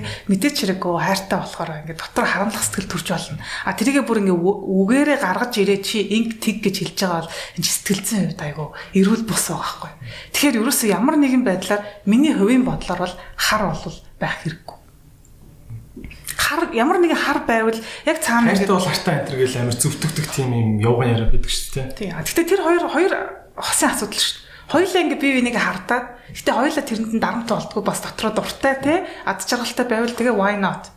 А гэтэл нөгөө хүнд нь дарамт толоод байх юм бол тэр чинь эргэдэг ш биш болоод эхэлж байгаа юм. Тэгэхээр ер нь хосын харилцаан дээр шүү дээ те тэр Би одоо жишээ найзлуудаа ихтэй ийм л 2 4-ний барьчихсан заяа. Залуучууд маань бас хэрэгтэй байж магадгүй. Нэгдүгээрт нь ийм 30 30 40 дөрв гэдэг байгаа заяа. За эдрээ чи 100%. Би 100%. Чиний хүсэж байгаа бодол санаа бүх юм 100% заяа. Би 100%. А би өөрөөсөө 30% л авна. Миний хувьд бүр хөдлөшгүй, тутшгүй, өөрчлөгдөхгүй яг гол юу вэ? Би бол энийг хэддэж хүлэн зөвшөөрөхгүй. Хэд 30% болно. А тэрийг чи хүлэн зөвшөөрөх хэрэгтэй байхгүй. А чиний 30%ийг би хүлэн зөвшөөрнө. Би чиний 30%-ыг хүлээн зөвшөөрөхгүй бол би яаж чамтай хамтаа. Чиний хамгийн чухал зүйлийг хүлээн зөвшөөрнө. Тэгээд 60 болчлаа тий. Үлдсэн 40 нь бол нөгөө үлдсэн юмнуудаар хоёлаа ажиллах. Дундаа хий. Дундаа хий тий. Одоо би жишээлбэл одоо нөгөө нэг анх үерхэж эхэлж байхдаа манай найзлуу би нилээ өв жоох өвдөөд халуураад дараад ханаа түрээд тэднийг сайхан хоол идмээр санагтаад үн чинь нэг өвтгөр нэг шүлмэл уумар болдсон шүү дээ. Тэд нэг сайхан хоол хийгээд ирэх чи гэсэн чи би бол дотроо сайхан харшвал дахиад нэг шүлийг бодож байгаа байхгүй. А тэгсэн чи маань болохоор надаа юм сэндвич авчирч өгч байгаа юм. Бяслагтай тий хямтай. Би дотроо болоо тий Монгол залуу байсан бол гэж. Бараг тий. А гэхдээ миний нөгөө нэг 30% чинь мөн үе. Үгүй дээ. Үгүй. Тэгэл энэ чинь бол ярилцаал асуудал. Би өвдсөн үедээ чи надад дахианы шүл Тэ? Хоньны шүл хийж өгөө шүү. Ингээл ярилцаал болох асуудал. Тэгэхээр 30 30 40 гэдгийг аюу сайн баримтлах хэрэгтэй. Түүнээс би 100 чи тэгтэй би 80 чи 20 гэд түлхээд байж болохгүй шүү дээ. Тийм. Аа тэгээд ямар ч хүнд угаасаа бас үнэхээр өөрчлөхийн аргагүй юмнууд байгаа л та тий. Тэгэл Монгол хүн харшуулсан дуртай. Тэгэл тэгэл гүцээ өстэй. Тэнд бол яриад их юм байхгүй өстэй тий. Эсвэл бол чи үнэхээр оройд чанга дуу чимээ сонсмооргүй байна. Тий? Тэр бол чиний хувьд ерөөсөө өөрчлөгдөхгүй тийм өөрийнхөө өөрчлөгдөхгүй юмнуудыг бүр ингээд ил тавиад тэгээ үлдсэн хоёлаа сайхан ажиллаад. Окей. Тэрийг бол эртгэн л ярилцчихвэл уг нь зүгээр шүү дээ. Хараад хахад ингээд хосууд ихэвчлэн зүгээр хэрэлцэн ч байсан одоо иймэрхүү юм байсан ч байсан зүгээр л хангалттай ил тод тунгалаг ярилцдгүй юм шиг санагдаад идэх те. Одоо би одоо тэгчээчээ гэж хэлхийнхээ оронд тэрийг нэг хаалга савж гарахаараа илэрхийлдэг юм байна те. Түрүү хэллээ шүү дээ найз залуу нөхөндөө илүү зөрөгтэй байхад тусалдаг байх хэрэгтэй гэдэг байгаа тийм. Нэрэл анзаараад байхад эмгтэй хүн ирчүүдээс илүү нэг юм яг яг карьер дээрээ тулаад ирэхээр за би чадахгүй байхаа гэж хэлэх нь их харагддаг байхгүй. Аа я энэ өөртөө итгэх итгэл гэдэг юмыг яаж олж авт энэ юм заягдмал юм байд юм байд юм уу? Үнэхээр үнэхээр өөртөө итгэлтэй хүн болж болд юм уу? Аа. Аа өссөн төрсөн орчноос шалтгаалаад заа. Аав ээж тэр сургууль орчноос шалтгаалаад багаасаа өөртөө итгэлтэй болсон. Өөртөө өөртөө байгаагаадаа тэм сэтгэл хангалуун хүмүүс их олон байдаг. Гэхдээ ихэнх хүмүүс ямар нэгэн байдлаар өөртөө итгэлгүй. Ямар нэгэн байдлаар. А өөртөө итгэлэг бол болохын тулд өөртөө итгэлгүй болгоод байгаа зүйлтэйгээ нүүр тулгаас өөр арга байхгүй. За. нэг ясны айцтай байна гэсэн үг шүү дээ. Олонний өмнө ярахаас айдаг ч юм уу. Эсвэл а тэгээ тэрэн дээр бол нэгдүгээр тэр айцтайгаа нүүр тулаад айцтайгаа бүр найзлан заяа айцаа дууд чавчиж байгаа. Бүр ингээд түлийн зөвшөөрнө шүү дээ. Хоёрдугаар нөгөө яг нэг ур чадрыг сайн сураад эсвэл өөрийнхөө давуу тал юу байна гэдгээ мэдрээд мэдэрснийхээ дараа олоод усныхоо дараа тордох хэрэгтэй. Би яг юун туртай гэдгээ улам сайн ингээд арчлаад зүлгэх хэрэгтэй байна шүү. А гуравдугаарт минь надад өөртөө ихтгэлгүй болгодог сул талууд зөндөө байгаа тий.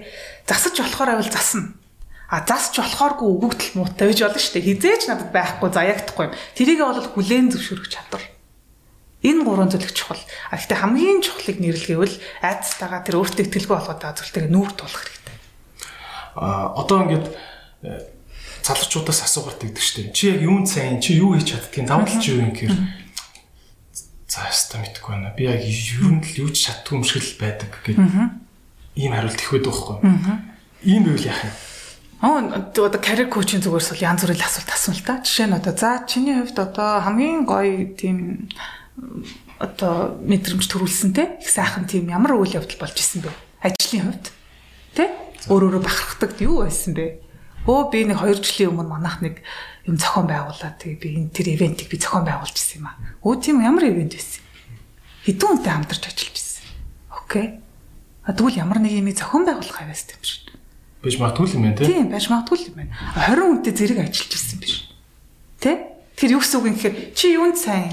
Чи юунд муу ингэж асуухаар хэн ч гэсэн шууд хэлж чадахгүй шүү дээ. Тэгэхээр тэр чи илүү өөр байдлаар одоо мэрэгжлийн хүмүүс өөрсдийнхөө техникийг асууж асууна гэсэн үг байхгүй. Асуулт асуух чадварыг эзэмшнэ гэсэн үг. Тэгсэн ч гэсэн нэг хүмүүс тэгдэг шүү дээ. Гэхдээ тэгэл манай ажлын хэн ч гэсэн тэгэл нэг 20 хүнтэй компани төрсөн өдөр зохион байгуулж чаддаг шүү дээ. Тэр чинь надаа юу н онцгой юм байгаа гэвэл яг уу. Аа тэгэх юм бол за 20 хүн яг онцгой биш гэж бодогдуулж байгаа яг юу н байгаа гэж би асуув. Гэхдээ тэгэл эн чинь ивент зохиох чинь бол нэг том зүйл биш шүү дээ, тэ? Хүн болгож чаддаг шүү. Яа том зүйл биш гэж бодож байгаа. Гэхдээ нэг тийм тийм хүмүүс зөндөл үзэж байгаа юм. Зөндөө үзэж байгаа тийм. Өөрийнхөө чаддаг имийг зүгээр байдаг юм шиг гэж боддог тийм. Тэгэхээр өөрийнхөө Тэгэхээр яах вэ? Ийм ийм байдал гацчвал яах вэ?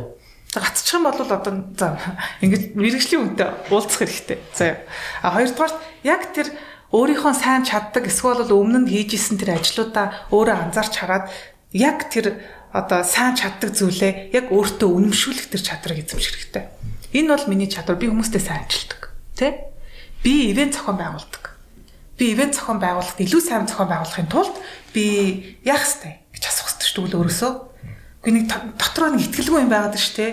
Тэрийгээ л өөрөө ажил. Өөртөө чинь ингээл бас үйлчлэгээ аваад ингээл коучинг хийлгэж яхад яг яг тэгтгэл юм байл л дээ. Надаас аюух юм асуугаад байдаг тийм. Тэгэл ер нь хариулж явж явж явж явж явж байгаа л Гү нэр наадах чинь би бол яг л зорсон юм маань мөн байсан байна гэл яг нэг юм гаргаж ирдэг тийм үү? Тийм. Яа тэгэхээр би чамд юу хэлхий чинь яагаад хэлэх хэвтэй? Би чадахгүй ш. Миний зүгээр чадвар юу гэхээр чамаар өөрөөр чинь асуултыг олох байхгүй юу? За одоо тэгвэл үнэхээр ингээл коучинг үйлчлэгээ авч чадахгүй зөндөө олон дүүнер байгаа шүү дээ. За дахиад 22 та. За боли солонгоо. Тэ? Ингээд коучтой байж чадахгүй хүн. Тэгээд өөртөө ингээд нэг юм чад юу ч чаддгүй юм шиг ингээд санагдсан сууж илаа л та. Бүр хамгийн гарын дор хийж болох юм юу вэ? За ингээд саяны өөрийнхөө би юуг яачлаа гэдгээ нэг уухаж төнгөх юм байна те. Өөр гарын дорх юм юу вэ? Гарын доорх гэдэг нь а зүгээр одоо ингэж гэрийн нөхцөлд өөрөө ганцаараа өөрөө өөрийнхөө тэр давуу талыг ухаад олчих тийм арга техник ч юм уу. Аа. Энэ алхмууд хийчих гэмээр юм юу ах вэ? За жааха ерөнхий байна те. Гэхдээ нэг ийм хоёр зүйлийг хэлэх баг. Нэгдүгээр чи бүр юу ч мэдэхгүй байгаа бол эхлээд зүгээр ингэ төсөөлөөр хойлоо ажиллаж байсан шүү дээ. Нэг 10 жилийн дараа би ямар хүн болмоор байна гэдгийг зүгээр ингэ сайхан сууж байгаа төсөөлийн тоглоом шиг ажиллаж байгаа. Бүх юм бүтцэн байлаа. Бүх юм бүтцэн байгаагаар өөрийгөө ингээл аягүй сайхан өглөөс ирж байгаагаар бодчих. Ямар дүр зургал бууж байна. Хүмүүстэй ажилтдаг харилцааны ч юм уу юм ажил хийдэг те ингээл ямар нэг дүр зураг штэ. За тэгвэл чи харилцаагаа сайжруулна. Харилцаагаа яаж сайжруулж болох вэ? Тэрийг яаж мэдгүй. За тэгвэл эхлээд одоо юу гэдгийг онлайнаар ороод те Coursera, Udemy, Future Learn ч юм уу ороод communication-ийн нэг сургалтанд суугаад үзчих. Ямар санагдчих Тэ? Тэр сургалтанд суучаар юу нь болоод байна, юу нь болохгүй байна. А эсвэл LinkedIn дээр ороод хаяг нээгээд өөрийнхөө нэг хүндэлдэг хүн рүү бичээд үз. Эдрээ хаа би тантай уулзмаар байна. Танд 10 минутын кофе хугацаа байна уу? Тэ? Брөөс хүд дээр яваад очив. тэр хүнээс чинь одоо эр зориг гарч штэ. А тэгээ уулзахдаа бүх юм фейлдэж болно ш. Чи үгүй ч гэж хэлж болно. Гэтэ дундаас нь суралцж байгаа байхгүй. Тэр гарын доорх гэх юм бол би тэгж хэлмээр байна. Юу тулгамдаад байна гэдгийг хамгийн ихний жижигхэн бэби степ аваад эхлэх хэрэгтэй. Тэгж л зөвлөмөр байна. Тийм. Аа одоо нэг юм байгаад юм л та. Чи өөрийнхөө ингээл тэ пашник олохгүй байна гэд. Би чамтай бас ярьж байхад энэ үг надад амар сон санагчсан байхгүй. Би бас өөртөө чи ингээл пашн машин өстө өөрийнхөө яг инээл төлөө төрсөн юм байна гэмээр юм олмоор байна гэж ярьсан. Чи болохоор үгүй тийх хэрэггүй. Тэр пашн гэдэг үг чинь ямар ч утгагүйгээр ярьсан шүү дээ. Би тэрийг нэг хүмүүс сонсомоор байгаа байхгүй тий. За. Яагаад тэгж байгаа? Чи одоо Ер нь- пашнтай байх хэвээр. Ер нь одоо коуч мэрэгжлийн хүмүүс нэг 20 жилийн өмнө бол чиний пашн юу юм? Чамайг юу аз жаргалтай болгох тэр пашнаа ол гэж аюух ярьдаг гэсэн байхгүй. За. Сүүлийн хэдэн жил ингээ анзаараад байгаа шүү дээ. Пашн гэдэг үг чинь өөрөө хүнд дарамт учруулдаг заяа. Хоёр ирмэлцлэл гэдэг ааш тий. Тийм, гал ирмэлцлэл гой орчуулсан биз дээ. Гал ирмэлцэл гэдэг чинь нэгдүгээр зарим хүмүүс дарамттай болж өрдөг. Зүгээр ингээд ажиллаа хийж байгаа нэгтлэн байна. Би нь нэгтлэн болох хэвээр юм уу? Миний пашн юу юм бол би ер нь энэ пашнад ажил муу юм уу биш юм уу? Би энд насаараа хоригдсан юм шүү дээ. Биш Цалин гэдэг тийм. Тэгэхээр яаж юм тэгэхээр нэг талдаа сайн зүйл юм шиг боловч нөгөө талдаа дарамт болоод. А хоёрдугаар за чи өнөөдөр ажил дээр айгүй ад жаргалтай байлаа гэж бодъё заа. Өглөө ажилдаа явдаг би. Хэвээ энэ л миний хийх хэвээр ажил байсан юм байна. Одоо л хэвээ дуртай зүйлээ оллоо. Маргааш чиний дарга солигдчихлоо заа. Тэг бүр нэг нэгчлэн ингээ ажлыг чи хяндаг юм өрөөд ирлээ ш. Тэг сүрэг. Тэг чи ажилдаа явахаас дургу хүрэн заа. Өглөө. Босхоос ч дургу хүрэн. Тэр юу гэсэн үг юм? Чиний пашн чинь тэг өөрчлөгдөж байгаа юм. Хүнээс болоод. Тэгэхээр пашн гэдэг үгнээс илүүтэйгээр энерги, эрч хүч гэдэг үгээр солиул надад илүү ойрох юм санагддаг. Чамааг юу эрч хүчтэй болгодгийг гэж асуувал чи илүү хариулах магадaltaй байхгүй. Би хүмүүс тийм. Хүн болгонд байж болно тий. Тийм. Намайг юу ирч хүчтэй болд гэхээр би хүмүүст сургалт өгөөрөө ч юм уу те. Би одоо юу гэдгийг ямар нэгэн зүйлийг судлахаараа, сурахаараа а чи юунд passionate вэ гэж хүмүүс тэгвэл айгүй ерөнхий юм хариул.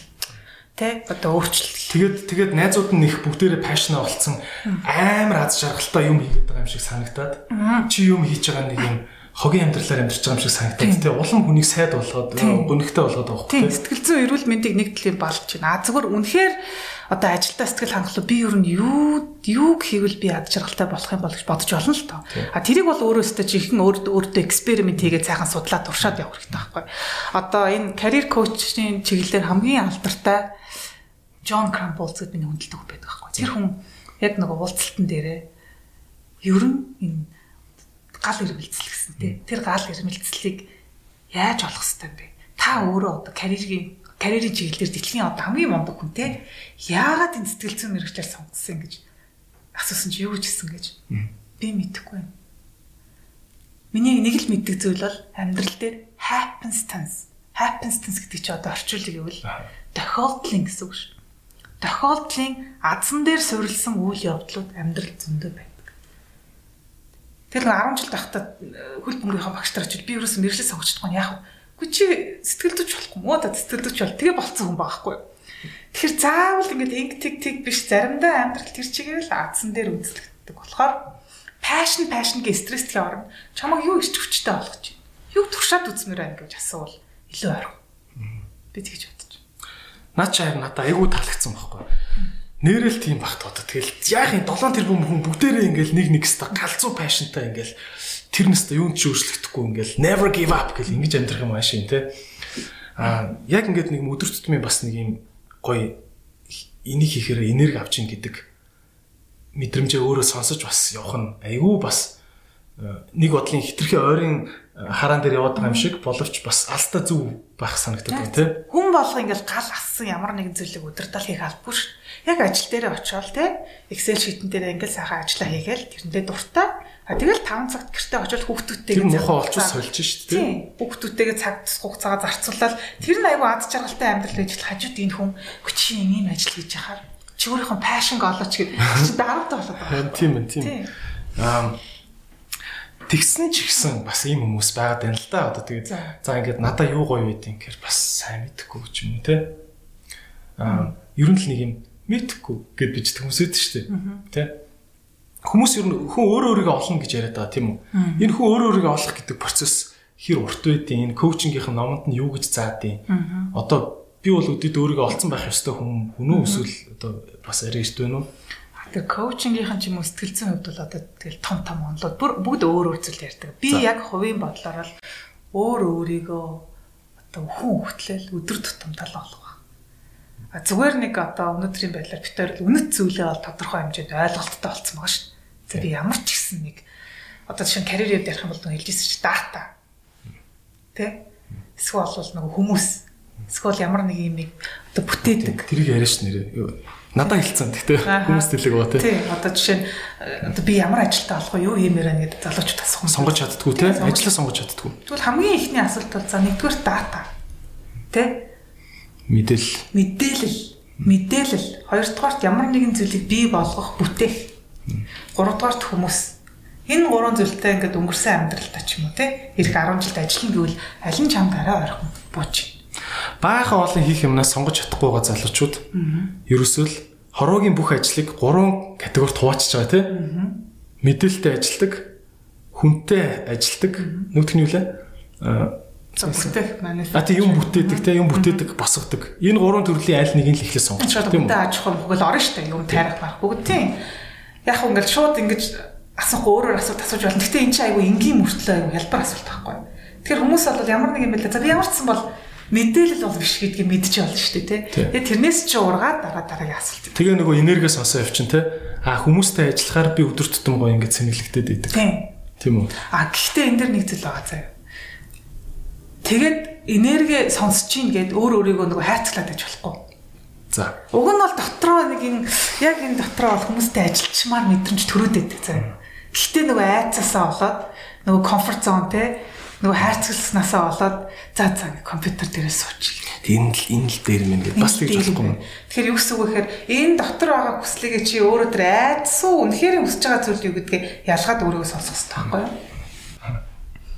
За одоо ингээд сонсох чадвар асуулт асуух чадвар энэ төр гэдэг чинь шүү дээ тийм. Надад бол ингээ айгүй тэгээ яах яад юм бол тэрнэ гэж бодогдод байна л да. За. Яа гэсэн үг одоо жишээ нь. За. Тэрнийх нь үр дүнд одоо би яа гэсэн үг үү? Хойлоо шүү жишээтэй яваа заа өдрөө. Тэгвэл үзэгчд маань амрах. За одоо асуулт асуух чадвар гэж шүү дээ тийм. Асуулт асуух чадвар яаж асуух хэвтэй гэдэг дээр хойлоо яг одоо ярилцъя заа. За нэгдүгээр нээлттэй асуулт авах хэрэгтэй. Хаалттай биш. Юу гэсэн үг гэхээр хаалттай асуулт бол тийм үгүй гэдэг хариултанд хариулагдаж болохоор асуултууд. За. Тэр чи усан дуртай, дуртай дургу хаалттай. Нээлттэй асуулт бол чамайг ямар нэгэн байдлаар бодуулах асуулт. Тийм үгүй гэдэг хариултанд хариулагдах харгүй асуулт. Хоёрдугаарт чиний хамгийн гол анхаарах зүйл чинь чиний асууж байгаа асуулт чинь миний одоо авчирсан энэ проблемыг өөрөөрөө шийдвэрлэхэд маань туслах, чиглүүлэх асуултууд. Түүнээс чи хөв хүний зүгээс инктиг гэдэг байгаа биш заа. Тэр хоёул одоо жишээтэй явъя за. За чи Colpro. За би Colpro-гийн ажилтан. Окей. За чам дээр орж ирлээ. Захирлаа. Би ерөөсөө сүүлийн үед үр бүтээмж байна. Ерөөсөө үр бүтээмжтэй ажиллаж чадахгүй байна. Яахаа мэдэхгүй. Гээ тэ. За. Энэ бол бүр яг байдаг асуудал тэ. За чи яг юу гэж хэлэх юм? Юу гэж хариулах? Юу гэж асуух юм? Аа би бол одоо чам үр бүтээмжтэй болох чинь туслах гээд байгаа шүү дээ тийм. Би бол одоо коуч болчиход байгаа шүү тийм. Тэгэхдээ асуух асуулт асуулт асуух чадрын тухай л ярьж байгаа шүү дээ. Тэгэхээр чи асууж байгаа асуултаа бодно гэсэн үг байхгүй? За. За я чамд юу юу сатаа болоод байна? Юу юу чамаг ингэж ажиллаж хийхгүй байна? За. Окей чи ихэр асуулт гэж бодож байна. Би бол яг шууд асуудал руугаа л Чигээр орсон л асуудал. Тийм болж байна. Гэхдээ нэг зүйл аа. Би үр бүтээмжийг сайжруулмаар гэж орж ирсэн шүү. Тэгэхээр чи үр бүтээмж гэдэг чи өөрийнхөө өнцгөөс шууд ойлгочихж байгаа байхгүй. Миний хувьд үр бүтээмж гэдэг чи ойлгохгүй ш. Тэгэхээр чиний хувьд үр бүтээмжтэй сайн ажиллана гэж юу хэлээд байгаа? Гэ надаас суучих юм бол миний хувьд үр бүтээмжтэй сайн ажиллах бол яг 6 цагт ингээ те сошиал медиа зэдэ орохгүй ингээ тэр юу гэсэн үг гэхээр чи миний хувьд юу яриад байгаа ингээ эхлээд ойлгох хэрэгтэй. Лидер манлайлагч хүний хувьд тийм биз? Тийм. Аа Тэгхүүгээр би жоох өөрийнхөө юг толох гээд байна те. Чи шууд үр бүтээмж гэдэг чи шууд ерөнхийдөө өөрийнхөө ойлгочлаа шүү. За тэгтээ зөвлөлтөө асуулт нь юу? За асуудал нь би ерөөсөө ажил дээр аягүй тийм сөрөг зүйл санаанд орж ирээд сошиал медиа дээр цаг үрээд тэгээ залхуу үрээд ерөөсөө төвлөрч чадахгүй. гэж хэлээ тий. Тэглээ. Одоо би энийг засах хэрэгтэй тий. Чаар яах юм? Аа за. Аа яагаад чамаа биш чи яагаад тийг сошиал медиа дээр айгүйх ороод байгаа гэж бодож байна. Үгүй юу? би жоохон нээлттэй асуулт Тийм тийж болно. Гэхдээ зүгээр зал одоо энэ үзэж байгаа хүмүүст юг ойлгуулах гэдэг нэхэр ихэнх хүмүүс "Өө, тэгвэл чи ингээд цагаа ингэлтэй. Сошиалд орохоо бол инг тэг гэд шууд заагаад эхэлдэг байхгүй. Шууд заагаад эхэлсэн юм надад яг үр бүтээмжтэй байж чадах уу? Хэцүү шүү дээ. Тийм. Тэ? Тэгэхээр надаар өөрөөр нь ухуулаад өөрөөр нь асуудлыг шийдвэрлэхээр энд чамд аюу амархгүй бас. Чин хэдэн асуулт асуун те. Тэгэхээр яг наад чадвар чинь бол яг нөгөө коуч хүний ч гэлтгүй ер нь бол яг баг өдөртөж байгаа хүнд мангар хэрэгтэй сонсогдоод байгаа байхгүй тийм. Учраас өдөртөх төвшний хүмүүс коучинг гэдэг чадварыг эзэмшийгээд сургалтууд авдаг байхгүй. Их хэрэгтэй. Одоо тэгээд өөрөө чинь үйлчлүүлэгч нар яг ингээд өөрийнхөө багийнхныг ингэж үр бүтээлтэй болгоход нь тусалж коучинг хийх гэж өөрөөс чинь бас зөвлөгөө аваад байна уу эсвэл зүгээр өөрийгөө сайжруулах гэж аваад байна уу? Өөрийгөө сайжруулах гэж авч байгаа хүмүүс байна. Багаа сайжруулах гэж авч байгаа хүмүүс байна. Гэтэ би зөвхөн коучингээс гадна карьер, манлайлалын талаар workshop сургалтууд ордог байхгүй. Тэгэхээр яг нөгөө нэг soft skill-тэй ур чадваруудаа яаж сайжруулах вэ гэдэг дээр сургалтууд аав. Гэтэ ихэвчлэн сүүлийн үед бол нэг ажиглаж байгаа айгу эрг зүйл нь юу вэ гэхээр захирлууд бол зөвхөн би би гэдэг үзэл бол харьцангуй гайгүй болоод багаараа багийнхныгаа бүгдээрээ яаж хамтдаа сайжрах уу гэж аюу сургалтууд аваад шүү. Тийм ээ. Тэгэхээр өөрхөн цаг тийм ээ тий. Тэгээ надад бол яг наадах чинь байдаг зовлон бохгүй. Одоо ингээл манай за Hippocrates дээр ажиллаж байгаа багийнхан гэл ингээл 8 9 инженерүүд байгаа тий. Аа ингээл чат дээр асууж байгаа байхгүй. За манайхаа энэ 7 хоногт ингээд асуудал юу байна энэ гингүүд. Яг нэг юм мэдгүй хөвөний хувьд би гаццсан юм шиг санагтаад байна. Аа би аюух цагийг ингэж дэми Facebook дээр өнгөрүүлт юм байна. Гэ тэнгүүд би үнэхээр яг тэг инг гэж бүр яаж чадах болчихж байгаа байхгүй. Одоо яах юм үед те Тэг ингээд яаж шатхаа болчихно гэж чи юу гэсэн үг гэхээр чи Юу тэг ингээд хэлчмээр санагдаад байгаа байхгүй юу? Тэгэхээр чи асуулт асуувал илүү зүгээр. сайн шиг өөрөөр нь бодуулаад өөрөөр нь бодуулаад асуулт асуувал илүү. А мэдээч хэрэг чи тэр салбарын тэр ярьж байгаа юмныхаа хувьд одоо гүнзгий мэдлэгтэй байл өөрийнхөө бодлыг зөвлөж болно шүү дээ. А тэгэхгүй бол асуулт ар. ер нь хараад хахад нэг юм ялангуяа юм захирал ажилтан хоёрын хооронд харилцаа сүлдээ нэг тийм болчт юм шүү те нэг ажилтныхаа юу гих гээд байгааг нь мэдэхгүй захирал нь баахан зөвлөгөө хэлж хэлж байгаа гараа авчдаг нөгөөх нь амар олон сар сэтгэлээр унж унж яснаа захирлаа би ажилласаа гарлаа гэд нэг өдрөөлөө ороод ирдэг ч юм уу те Тийм шүү. Би ингээд одоо олонний өмнө ярьж чадахгүй байна. Маркетинг дээр болохгүй телевизийн өмнө ярмааргүй байна захирлаа. Оо чи өөртөө ихтэй бай. Өөртөө ихтэй байх хэрэгтэй байхгүй. Бол яаж одоо амьдрах юм? Юу гэсэн үг? Өөртөө ихтэй бай гэдэг чинь. Яаж ихтэй болох юм? Одоо яахаа мэдмээр мэдмээр биш. Тэхийн тулд өөртөө ихтэйхүү болгоод байгаа зүйл чи юу юм бэ? Гэл асуучихд нөгөө хүн бодоод эхлэх хэрэгтэй байхгүй. за одоо хэлбэл надад асуулт энэ асуух урлагийг чинь нэг жоох нэг гурван шат цаашлуулж үзье л та те За. За окей. За би цаныхыг авъя зөө. Аа за манай энэ бол яг жинхэнэ жишээ. Манай багийн контентын багийн нэг ажилтныг бид гэсэн байхгүй. Чи боловсролын контент хийж байгаа хүн сурагч гэж юу гэдгийг чи нэг очиод мэдэрч гэлтэй. Чи над чиг нэг ингээд а, 50 хүнд заадаг юм аа гэд чи дөрвөн сурагчтай нэг ангид нэг заагаа үзчих гэд би тэггүй юу. Тэгсэн чинь жоохон байцсан л өрөөнд орж ирсэн юм уус тээ. Эсвэл цаглаа ясаг гэж. Аа би юусаа тэгж сурагч нартай үнэхээр ярьж чадахгүй юм байна. Би тэгтээ бол бичээд яг гоё контент бичиж чадна гэдэг байна. Тэгэл би бол тэр үед нь тэгэл заа зүнхэр тэгж бодож байл буулт хийсэн мөртлөө би яаж энэ хүнийг тэгээд хүнд заах чадвартай нэр болгох юм бол ингээл төрөлхийн л үт юм баг. Тэгэл хайсан юм үндэ. Аа. Чи энэ дэр байсан бол яах байсан бэ? Хүнд одоо тэгээд те. Хүний өмнө ярих чадварыг нь одоо яах вэ? Энийг яах вэ? А коуч талаасаа бол зүгээр яг асуултаар асуун. Жишээ нь тэр яг сурагчны өмнө ярихаар яг юу нь болохгүйсэн гэдэг асуулт хамгийн чухал байхгүй. Яг юу нь болохгүй байгааг ойлгох хэрэгтэй. Сандраад байт юм байна. Хүмүүсийн өмнө гарахаар ингээд зөрөх хүчтэй цоглоод ерөөсө бодож ярих гэж байгаа юм аа. Ерөөсө санахгүй бүх юм мартагдаад байна. Сандраад байт юм байна. Окей. Тэр сандралыг яаж давтуулах вэ гэдэг тэр сургалт хийж болно, асуулт ч асууж болно. А зарим тохиолдолд хүмүүсийг бол ингээд гаргаж ирдэг шүү дээ. Тэгээ за одоо яригдах хэдрээ. Ингээд сурагч байгаа шүү дээ. Би сурагчтай. Юу нь болохгүй. Юу мэдрэгдэж чинь жаа. Тэр хүн ерөн сорох байсан болов би зөв юм хийсэн болов буруу юм хийсэн болов кейс тэр Зөв буруу гэхээс илүүтэйгээр илүү ухаж тухайн хүний яг асуудал нь хаана вэ гэдгийг олж тогтоох хэрэгтэй байхгүй юу? Манлайлагчийн хувьд, удирдлагын төвшний хувьд. А түүнээс ш нөгөө хүнийхээ үгэнд окей, за за гэд дараагийн шат руу явуулж болохгүй л гэсэн. ямар нэг юм хоёул тэгэл асууж байгаа л яагаад гэж бодож ингээл туршдаг л байж те. Тийм. Тийм. Намаа ийм асуудал байгаад байна л да. Ер нь бол бизнесийн номнууд хэлээд байна те. Бүх асуудлын тал нь харилцааны асуудал байдаг гэдэг. Дандаа харилцаан дээр л алддаг. Тэрнээс бол дандаа бүтлгүй болдог. А за ялангуяа залуу ажилтнууд нэг ийм асуудал гаргадаг байхгүй орж ирэл нэг л их гомцсон. Энэ хүн надаа муухай харцсан. Тэгээд байгаа болохоор би ажиллахад хэцүү байна гармаар нэг ингээ ороод ирдэг. За үнэхээр ажил дээр ингээд тийм нэг хүн дургуй гэж үргээд байвал яах ёстой энэ залууч. За дургуй хүргэж байгаа хоёр зүйл байж болно те. Нэгдүгээр тухайн хүний одоо тэр харилцааны хувьд асуудал байна уу? Эсвэл зүгээр тухайн хүний байгаа байдал нь чиний хувьд дургуйч үргээд байна уу гэдэг ялгаатай. А хэрвээ харилцааны хувьд асуудал байвал хоёлаа зөндөө ярьсан те. Тэр асуулт асуух чанар, сонсох чанар, буцаад нөгөө зорилгоо тодорхойлох чанар. А зүгээр чиний ярьж байгаа өнгө аяс надад таалагдахгүй бол яах ёстой. Тий. Ялангуяа нэг нэг юм ярихаар нэг ингэдэг яндгсан хүүхэн гэл ингээл уурлаад эхэлдэг шүү дээ. Тэгэхээр чамаг тийм байвал чи баг өрөөнд орж ирээл хаалга дуурлаа би ингээд тав хүүхдэд таарцсанд орчих واخгүй. Тэгэхээр яаж тэр хайрцагтаас гарах юм гэхээр хамгийн амархан нэг аргыг зааж өгөхөд хөөсний техник гэдэг байгаа заа. Хөөс гэж юу хэлээд байгаа бэл битэрийн зур холбоо хэлээд байгаа. Би энэ өрөөнд орж ирлээ. Хөөс ингээд дэгдээд эхэлнэ. Тэгэхээр миний зорилго бол хэлэх гэсэн санаагаа хэлнэ. Тэ? Аа юу хийх ёстойгоо төлөвлөн чамд хэлэх гэсэн юм а хэлчихвэл тэгэл болоо.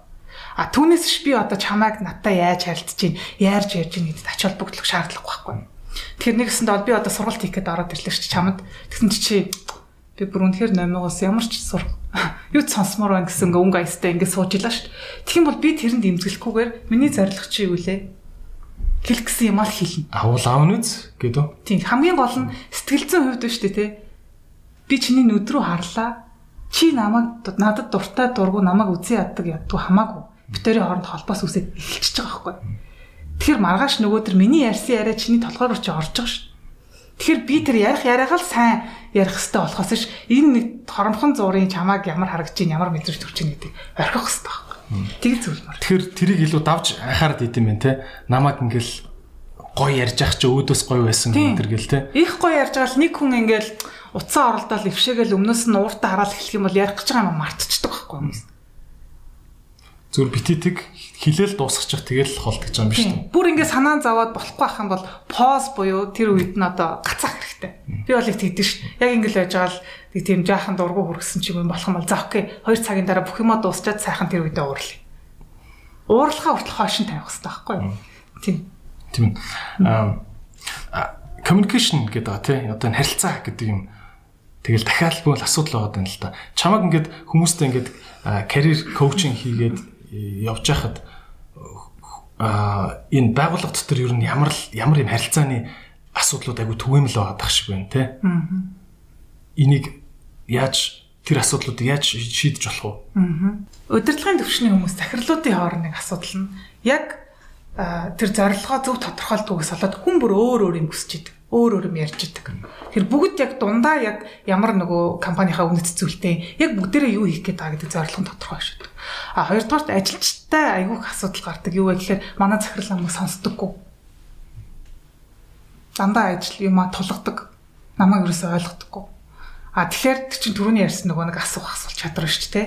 А гуравдугаарт ажилчид хоорондын дунд тэ одоо айгүйх одоо хов жив яриад ч юм уу сөрөг энергитэй хүнээсээ олоод хинт хэлхээ мэддэггүй гацчдаг. Хүний нөөц дээр очихоор ямар ч хэрэг байхгүй. Тэгэхээр нөгөө нэг агаар сороод байгаа хүмүүс шүү дээ тэр дотор чинь тэрнтэй яаж дийл хийхээ мэдтгүү. Ийм асуудлуудыг бол аюу хүмүүс хэлдэг. А тэгээд дарга нартаа танигдчих чадахгүй байх гэж аюу хүмүүс хэлдэг. Би бол ажиллаа аюу сайн хийж байгаа. Тэ? Гэтэл би ерөөсөө олж харж үнэхгүй байна. Би тушаал дэвшихгүй байна. Ийм үед яа тийм. Өөрийгөө таниулах хэрэгтэй. Одоо би өнөөдөр нэг ажил хэлсэн шүү дээ. Репорт бичлээ те. Үр дүнгийг харлаа За одоо даргалууга ч юм уу. Аа би ингээд ийм ийм репорт бичлээ. Үр дүн нь ингэж санагдчихээн. Ингэж байгаа шүү гэдгээ нээлтчих хэрэгтэй. Ялангуяа эмгтэй хүмүүс нөгөө зарим эмгтэй номдор гардаг шүү. Яадаг вэ гэхээр би тэгж өөрийгөө дүгүүлэхмөргүй байна. Би өөрийгөө нэг хийсэн ажиллаа магтсан юм шиг болмооргүй байна.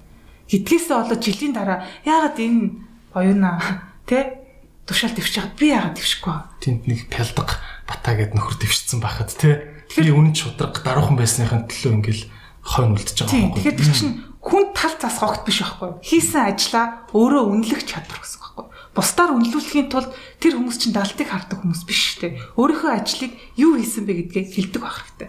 Ялангуяа цалингаа нэмэгдүүлэхэд хүмүүс тэгж асуудаг шин.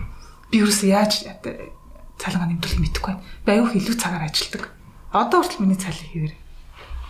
Яах вэ гэхээр өдөр тутамдаа яг хэдэн цагаар илүү цаг ажиллаад байгаа.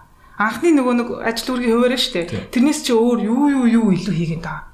Тэр бүхнийгээ ингэж бичиж авч жагаад би чиний өрөөнд орчлаа. Эдрээ би сүүлийн 6 сарын хугацаанд хэдэн цаг ажилласан байна. Тэ? Ажил зөрөгтэй хэл хэрэгтэй. Зөрөгтэй хэл хэрэгтэй. Тэгээ ажил үүргийн хуваараас гадна би ийм ийм ийм ийм ийм зүйл хийсэн байна. Маа Монголд ч тэгэл эрдэмтэй хүн даруу хүн хүн хүн юу гэдэг чи хүнийг ажил нь өөрийг нь харуулцдгийн. Тэр тийм ойлголтууд үүд чинь. Тийм ойлголт аюу хөвшмөл ойлголтууд аюу. Энэ буруу юм байна те. Буруу зүгээс лөө яг одоогийн нөхцөлд ийм өрсөлдөөнтэй нийгэмд өөртөө итгээд өөрийнхөө хийж чаддаг чадсан хийсэн зүйлээ зоригтойгоор үнэлээд бусдаар үнэлүүлэх чадвар хэрэгтэй.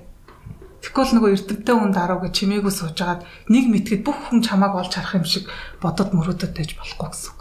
Тийм. Америкууд чинь тал дээр айхтар шүү дээ, тий. Аа. Claim the credit гэдэг үг гэдэг шүү дээ, тий. Чи юм хийсэн бол би хийсэн шүү гэдгийг ингээ очоо орилоо хэл гэсэн утгатай үг шүү дээ, тий. Бид дараахан хоош суугаад гэсэн үг, тий. Хийгээд хийсэн зүйлдээ сэтгэл хангалуун бол хэл. А хийх чинь туссан хүмүүсээ бас хэл. Хэл. Түүнээс чи хүний кредитийг аваад би хийсэн шүү гэд. Тэр чи одоо тал засах гэж нэрлээд тааш тэр энэ хоёроо ялга гэсэн байхгүй. Зүгээр ингээд чимээгүй ингээд суугаад иж болохгүй. Үнэхээр хийцэн үнэн тэгээд найзаагаа бас хийснийг нь магтцсан юм чи. Яа тэ өөрийгөө бол хэл хэлтэй тийм шүү дээ. А яг ийм асуудал энэ өдөртлөг босс хоёрын хоорондын харилцаа бол аюу түүхтэй харилцаа шүү дээ тий а жишээ нь ингээд байгаа байхгүй ингээд танаа багийнхан ажиллаж байгаа хүн чинь сэтгэлээр унана. Дотор нэг пялдаг нөхөр байдаг. Тэрэндээ бүх дургуун мөртлөө хинч хилээгүй байдаг. Тэ ингээл мангар олон юм байгаад байна л да. Эсвэл ингээл би хөгжихгүй байна. Намааг сонсохгүй байна гэл ингээл like босс ажилтан хоёрын хоорондох энэ харилцаан дээр бас өөрөө чинь ингээ анзаардгаар ямар асуудал хамгийн түгээмэл байгаад байна. Энээс яаж урьдчилан сэргийлэх үү? Нэг доороо таван ажилтнтай нөхөр байсан ч гэсэн л асуудал шүү дээ энэ чинь. Тийм аа миний ажигласнаар бол хамгийн хин чанга дуурчин заяа. Хин өөрийгөө сайн илэрхийлж чадчихна.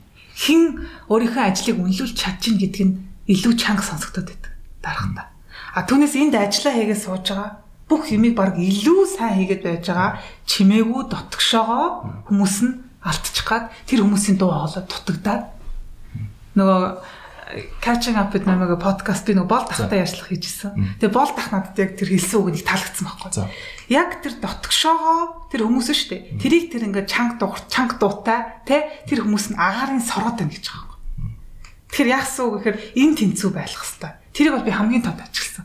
Ерөөсөө л нэг 2 3 хүн а нөгөө ажиллаа хийгээд өөрийгөө хилдэхгүй ингээд чимээгүй сууж байгаа хүмүүсийн ажлыг үнэлдэггүй, мэддэггүй Энийг яаж тэгээ тэгш байхгүй одоо удирдлагын зүгээс. Тэгэхээр одоо тэр дотгошоогоо байгаа өөрийгөө илэрхийлэх чадамж муутай байгаа хүмүүстэй их тийм эрг тайван орчин бий болох хэрэгтэй. Одоо яа гэсэн үг? Одоо асуулт асуулт асуулт шүү дээ. Өнөөдөр хоёлоо тэр жингөл асуулт сурлаа шүү дээ, тийм. Тийм. Яагаад хүн ингээд одоо самбарын өмнө ингээд гараад те уулзалтан дээр ч юм уу. За ямар санаа байна манайхаа? За нэг 2 3 хүн байн хэллээ шүү дээ. Юу нь болохгүй за нөгөө 2 3. Юу нь болж ийн нөгөө 2 3 Гэхдээ яг наадах ч асуудал واخгүй. Одоо манай баг дотор ч гэсэн байн байна. За яг хөө тийм талдаг мохон хүмүүс байхгүй заа. Гэхдээ ингэдэг байхгүй. Ингээ хуралдаж суужгаад за санал хэлэх юм байна уу? Би одоо яах вэ? Манай манайхан гэхэр хин ч юм хэлдэггүй байхгүй. Тэгжсэн сарын дараа бэж үтснэ ингээд амар гомцсон момцсон болцсон орж ирж идэх байхгүй заа. Би тэгээд яах уу гэдээ хахад хилэг үзтээ өөр би яаж мэдхий ингээд надад ч их асуудал болчихж байгаа хөөх тэр нь те. Энийг яаж тэгээ яа дэ нэг нэгэр нь бүгднтэй би заавал ярилцах хэрэгтэй үү гэсэн. Нэг нэгээр нь ярилцах. Янз бүрийн арга болж. Жишээ нь одоо онлайнаар anonymous заавал нэрийг авахгүйгээр эсвэл тэр хүнтэй нэртэй яг чиглүүлсэн, яг үр дүнд суурилсан асуултуудаар судалгаа авч болно шүү дээ. Тэр нөгөө хүн чинь бол бичин шүү дээ. Гэртээ очоо те яг юу нь болохгүй байна. Яаж сайжруулах хэрэгтэй байна. Ямар юм ийм ирээд. Түүнээс ш одоо мянган ажилтаа нэг нэгээр нь уулзна гэдэг бол мандалчийн хувьд ямар ч тийм боломж байхгүй шүү тий. Тийм захирлууд одоо яа тийм доор нь ингээд мянган хүн байдаг ингээд 10 менежертэй ийм захирлууд яг яа. Тэгэхээр аюулсан делегат буюу ажил үүргээ хуваарлах хэрэгтэй байхгүй. Яг энэ хүмүүсийг хэн хариуцах вэ? энэ хүмүүстэй уулзах одоо хүний нөөцийн ажил бол бас тэр байх. Тухайн хүмүүстэй нэг бүрч уулзах хэрэгтэй. Эсвэл олон тоогоор нь олон одоо судалгаа авах хэрэгтэй. Судалгаагаа ангилах хэрэгтэй ч гэдэг юм. Янз бүрийн арга барил байгаа. Гэтэ бүх хүмүүсийг хүртээмжтэй ижлэхэн төвшөнд бодлын сонсгол чухал. Түүнээс биш аа хин эдрээ ерөөсөө юм юм хэлдэггүй маа. Эдрээ ер нь итгэхгүй байна гэд өнгөцөр дүгнэж ич болохгүй. Тэгээ нөгөөтэйгэр энэ чинь соёлын асуудал байхгүй юу? соёлын судалгаанууд дээр ерөөсөө Аз хүмүүс одоо Монголын тал нэтворкт ажиллаж байгаа чинь Адрин гэдэг эмэгтэй захирал англи захиралтайгаа битээр Монголд анхны бизнес харилцааны соёлын судалгаа хийжсэн байхгүй. Тэгээ бүр Монгол хүмүүс гадаад хүмүүсийн хооронд бүр ингэж хэлвэл ингэсэн үг гадаад хүмүүс ингэж ойлгодог Монгол хүмүүс ингэвэл ингэсэн үг гэдгийг гаргаж байгаа. Ямар ямар юм бах вэ? Сонсё л да. За жишээ нь за соёлын хувьд зүгээр өнгөцгөнд одоо бизнесийн харилцааных нь үүдэн дээр болохоор Монгол хүмүүсийн хувьд болохоор цагийн хувьд илүү одоо юу итгэлцлийн хувьд жишээлбэл хүмүүстэй харилцчиж илүү итгэлцэн үүсдэг. Relationship based гэж байгаа байхгүй. Харилцаан дээр үздэг. А Европ бусд орнуудын хувьд бол таскн дээр үндэслэж итгэл нь бий болдог. Юу гэсэн үг вэ гэхээр чи яг ажиллаа сайн хийгээд шүү дээ. Ажиллаа сайн хийгээд байх тусам одоо Европ ч юм уу Америкт бол би чамд улам итгээд байгаа хгүй. Идрээд бол өстой ямар ч асуудалгүй итгэж байна. А Монголд болохоор чи хичнээн ажиллаа сайн хийдэг байсан ч хамаагүй би чамд хувь хүн талд чинь итгэх хэрэгтэй. Чамтаа нэг одоо гарч те уулзалтын асуудлыг за тий асуудлыг сонсох ч юм уу ямар нэгэн байдлаар хувийн харилцаа үүсгэж итгэл маань нэмэгдэх гэдэг ялгаа. Янз бүрийн юм сонирхолтой сонирхолтой ялгаа гарсан. Э, сая чиний тэр хэлдэг бас яг үнэлэлтэй манай компаниуд дугаа байдаг хүмүүсийг улам сонсгоо болоод идэг те бүр эсрэгээрээ. За наадах ч угс нэг юм илтгүү ма хин хой хинэ та хоёр нааштай юу гэж бодож ин ингэж ингээд э, ажилчтайгаа дотор нэг ялгуурлаад шүү дээ сүлдээ өөрийн мэдлгүй тийм үү? Тийм. Тэр хин чанга дуутай хин илүү бодтой үр дүнтэй ярьж байна гэж ойлгоод байгаа байхгүй үгүй. Тийм. Хамгийн чимээгүй байгаа хүмүүсийгээ задалж, асууж, лавлаж сурах чадрыг эзэмших хэрэгтэй. Тэгжиж л амжилттай гэж бодож байна. Түүнээс хүн болгон цаанаасаа ингэж өөртөө ихтэй ярьдаг хүн болгон ингэж чанга ярьдаг байх албагүй ш. Тийм тийм. Наадах тэр чинь би бас айгүй ингээд нэг нас явахын хэрэг гэдэг шиг юм болоод байна л да. Би бас ингээд дүү мүгэ би ээж загнуулт загнуулчихсан байхгүй. Дүүгээ ингээд чи одоо ингээд нэг жоох юм стресс чи ямар сүртэй бэ ингээд тэр хийч хийчтэй ингээд ингээд шахдаг.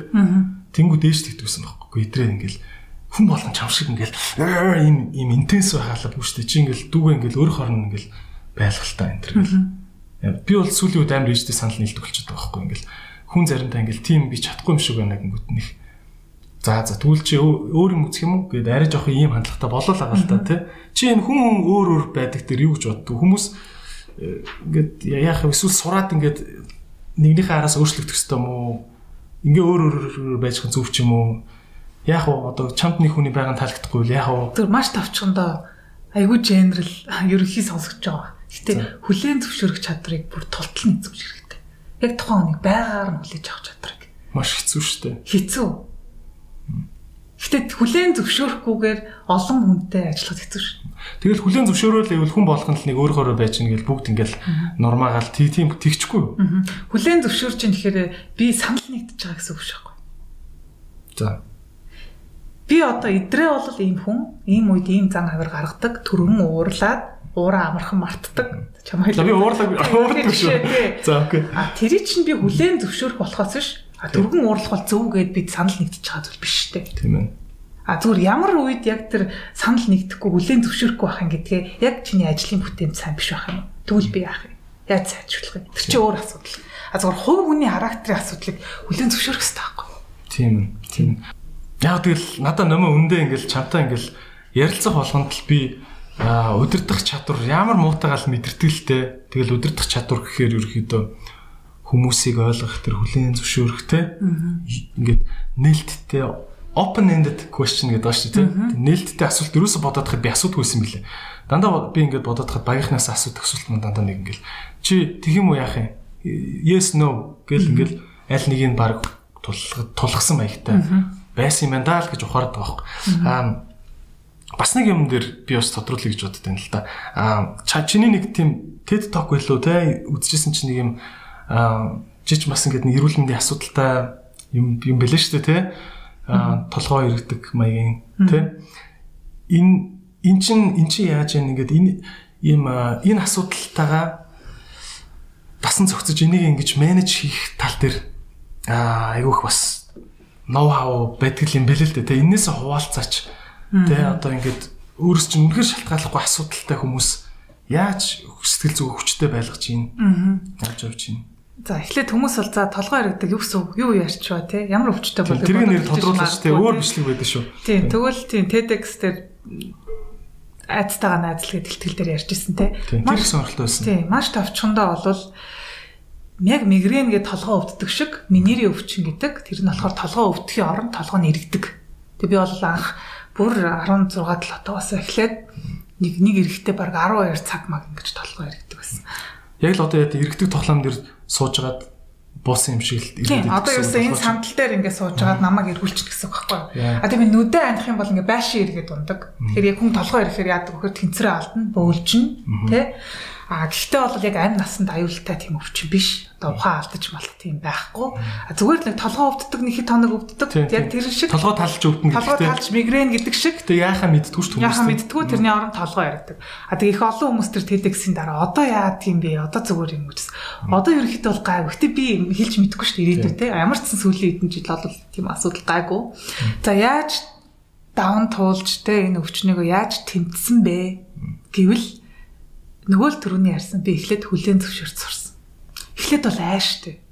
Тэгш паникт шүү дээ. Паникт шүү. Паник атак угаасаа хамт үүсдэг байхгүй. За. Сэтгэл зүйн чиглэлээр мэдлэгтэй хүмүүс бол мэдж байгаа. Паник атак үүсдэг. Тэгээд нөгөө айхаараа яана би одоо ингэж жаад галзуурчих үедээ одоо юу гэдэг чинь ингээ айгаад эхэлдэг байхгүй. А тэгээ ингээ удаан олон цаг эргээд эхлэхээр би юу гэж утсан бэ гэхээр яг тэр ихтгэл дээр би бас ярьжсэн л та ерөөсө хүлийн зөвшөөрөх хэрэгтэй байна. Арай бүр тис өөр өнцгөөс харах хэрэгтэй байна. Тэгэхээр ер нь тэр үед бол яг яг тухайн үед би өөрийнхөө бодлыг өөрчлөе гэдэг тийм зорилготой шийдвэр төрсэн. Яг эргэж байгаа үедээ би одоо ингээд шууд айгаал тэрийгэ боловлох гал тэмцэл эсрэглэхгүй тийм бүр ингээд хүлэн зөвшөөрөөд за баг за за тэгээ яах юм одоо?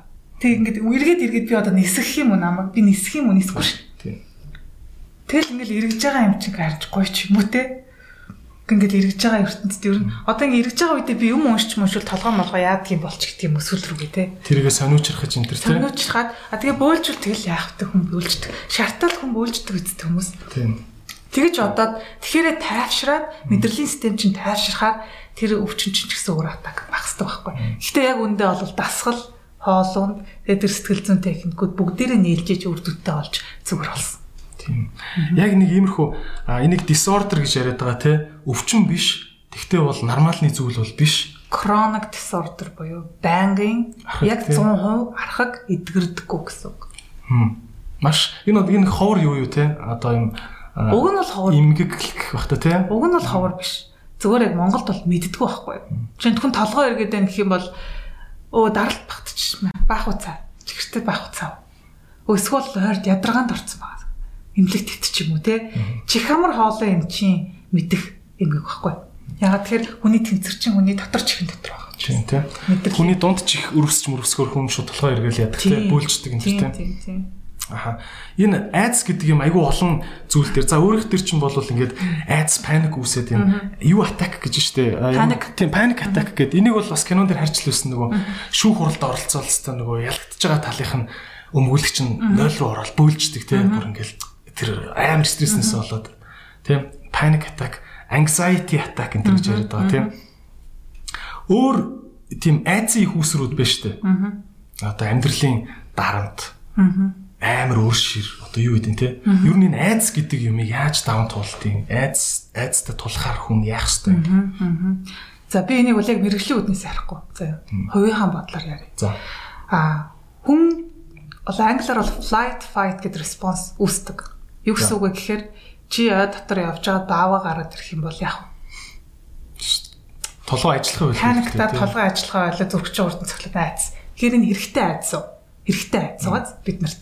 А гэтэл одоо үед яг дотор очиод тэр баавыг хараагүй мөртлөө өөрийнхөө бодлоор хийсвэр зүйл дээр яг адилхан биедэн дээрээ шинж тэмдэг нь үүсэт байгаа байхгүй. Тэр чинь айц болоод байгаа байхгүй.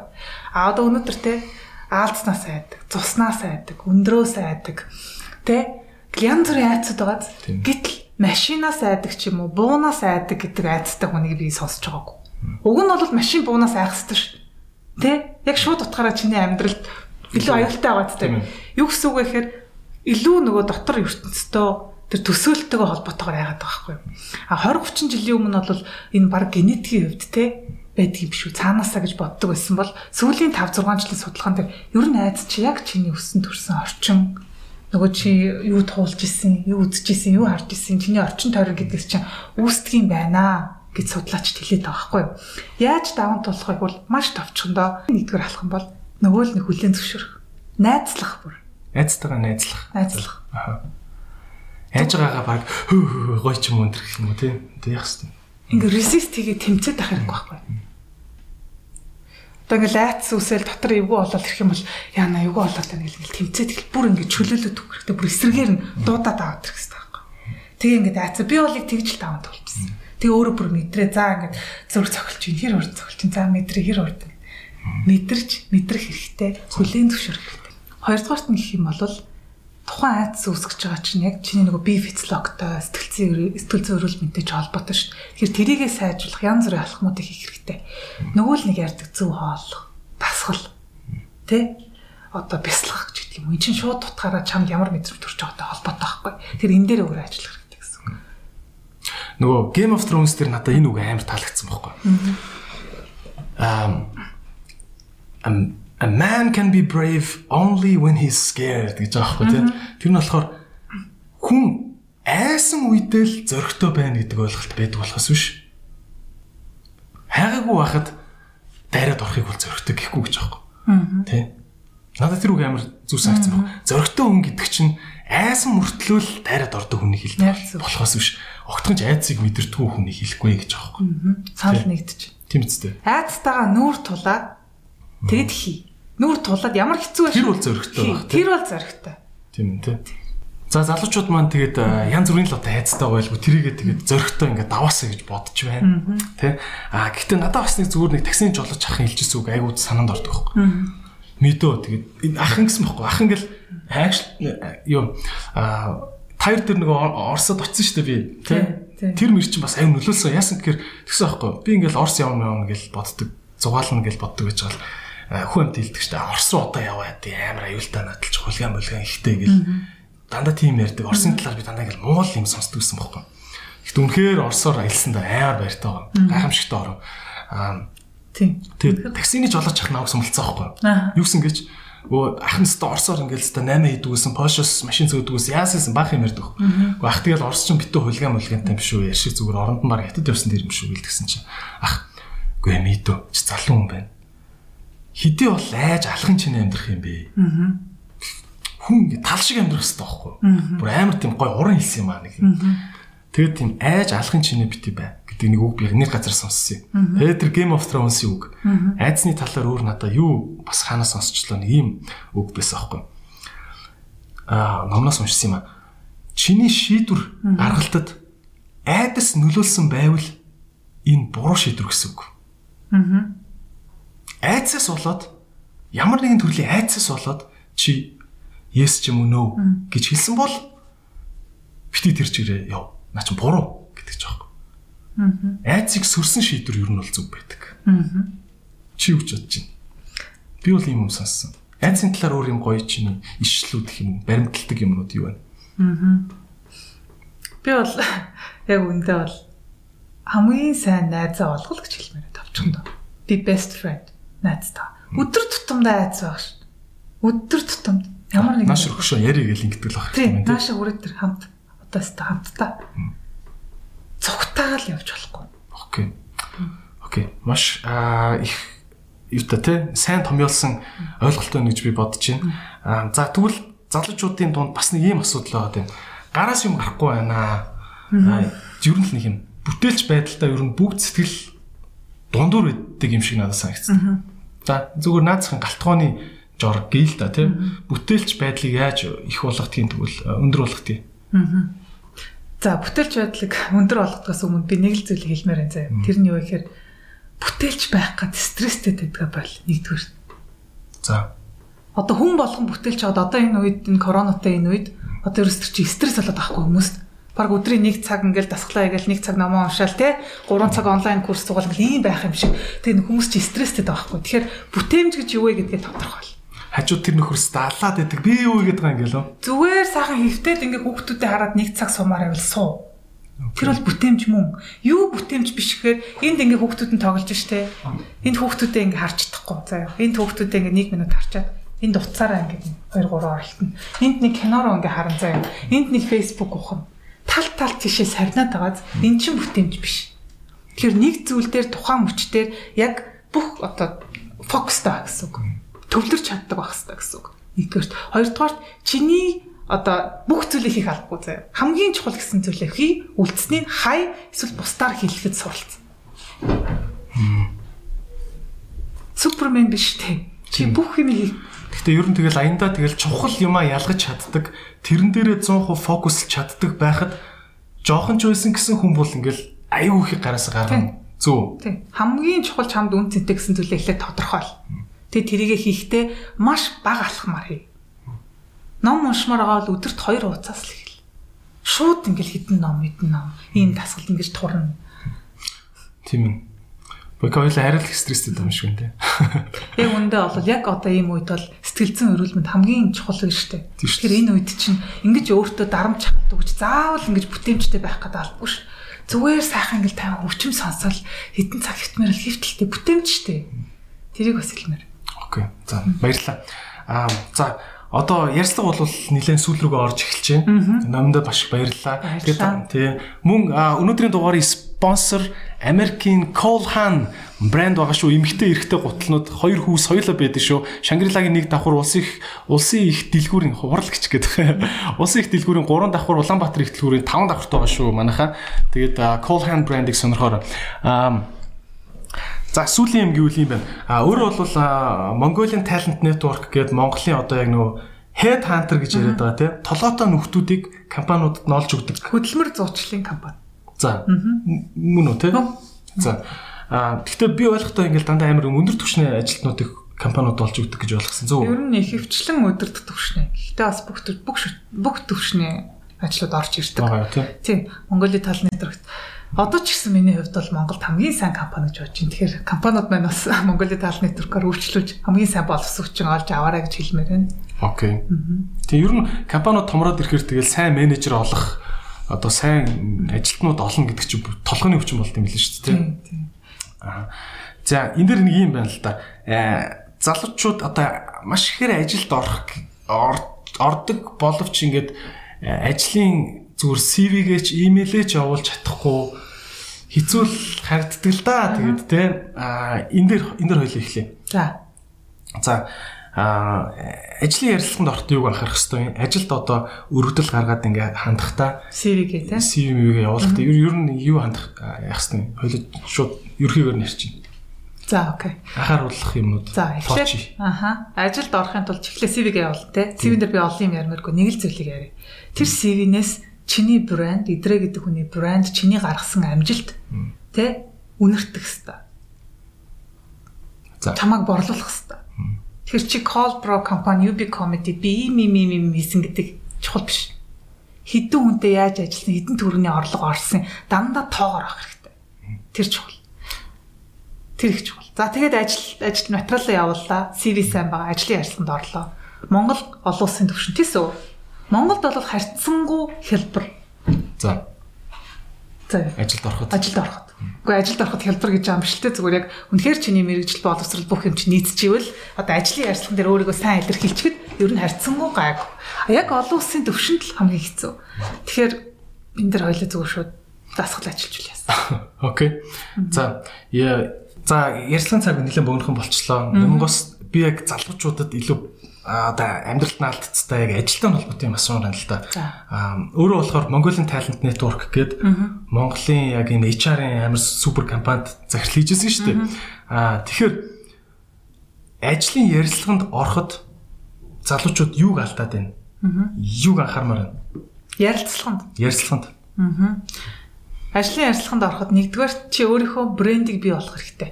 Тэгэхээр өөрийгөө сайн илэрхийлэх чадвар. Юу гэсэн үг вэ гэхээр өөрийнхөө гаргасан амжилтыг маш тодорхойгоор борлуулж чаддаг байх хэрэгтэй гэсэн үг. За. Жишээ. Жишээ нь Colpro компанид ажиллаа. Хэдэн сая долларын хөрөнгө оруулалт босгосон. Хэдэн төгрөг босгосон. Хэдэн хүн ажилд авсан. Colpro компаниараа хэдэн компанитай ажилласан.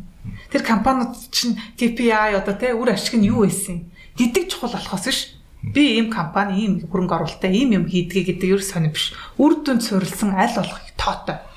Манайхан болохоор нэг альбан тушаал айл болох томхон шиг биччихвэл болчих гээд байна гэж боддог бах тий. Тийм. Одоо захирал гэж өччтэй. Тэгээд доор нь тий ийм маркетинг бараа оруулж ирдэг. Ингэдэг тэгдэг. Тэр чинь баг ингээл онлайнаар Google-с харж.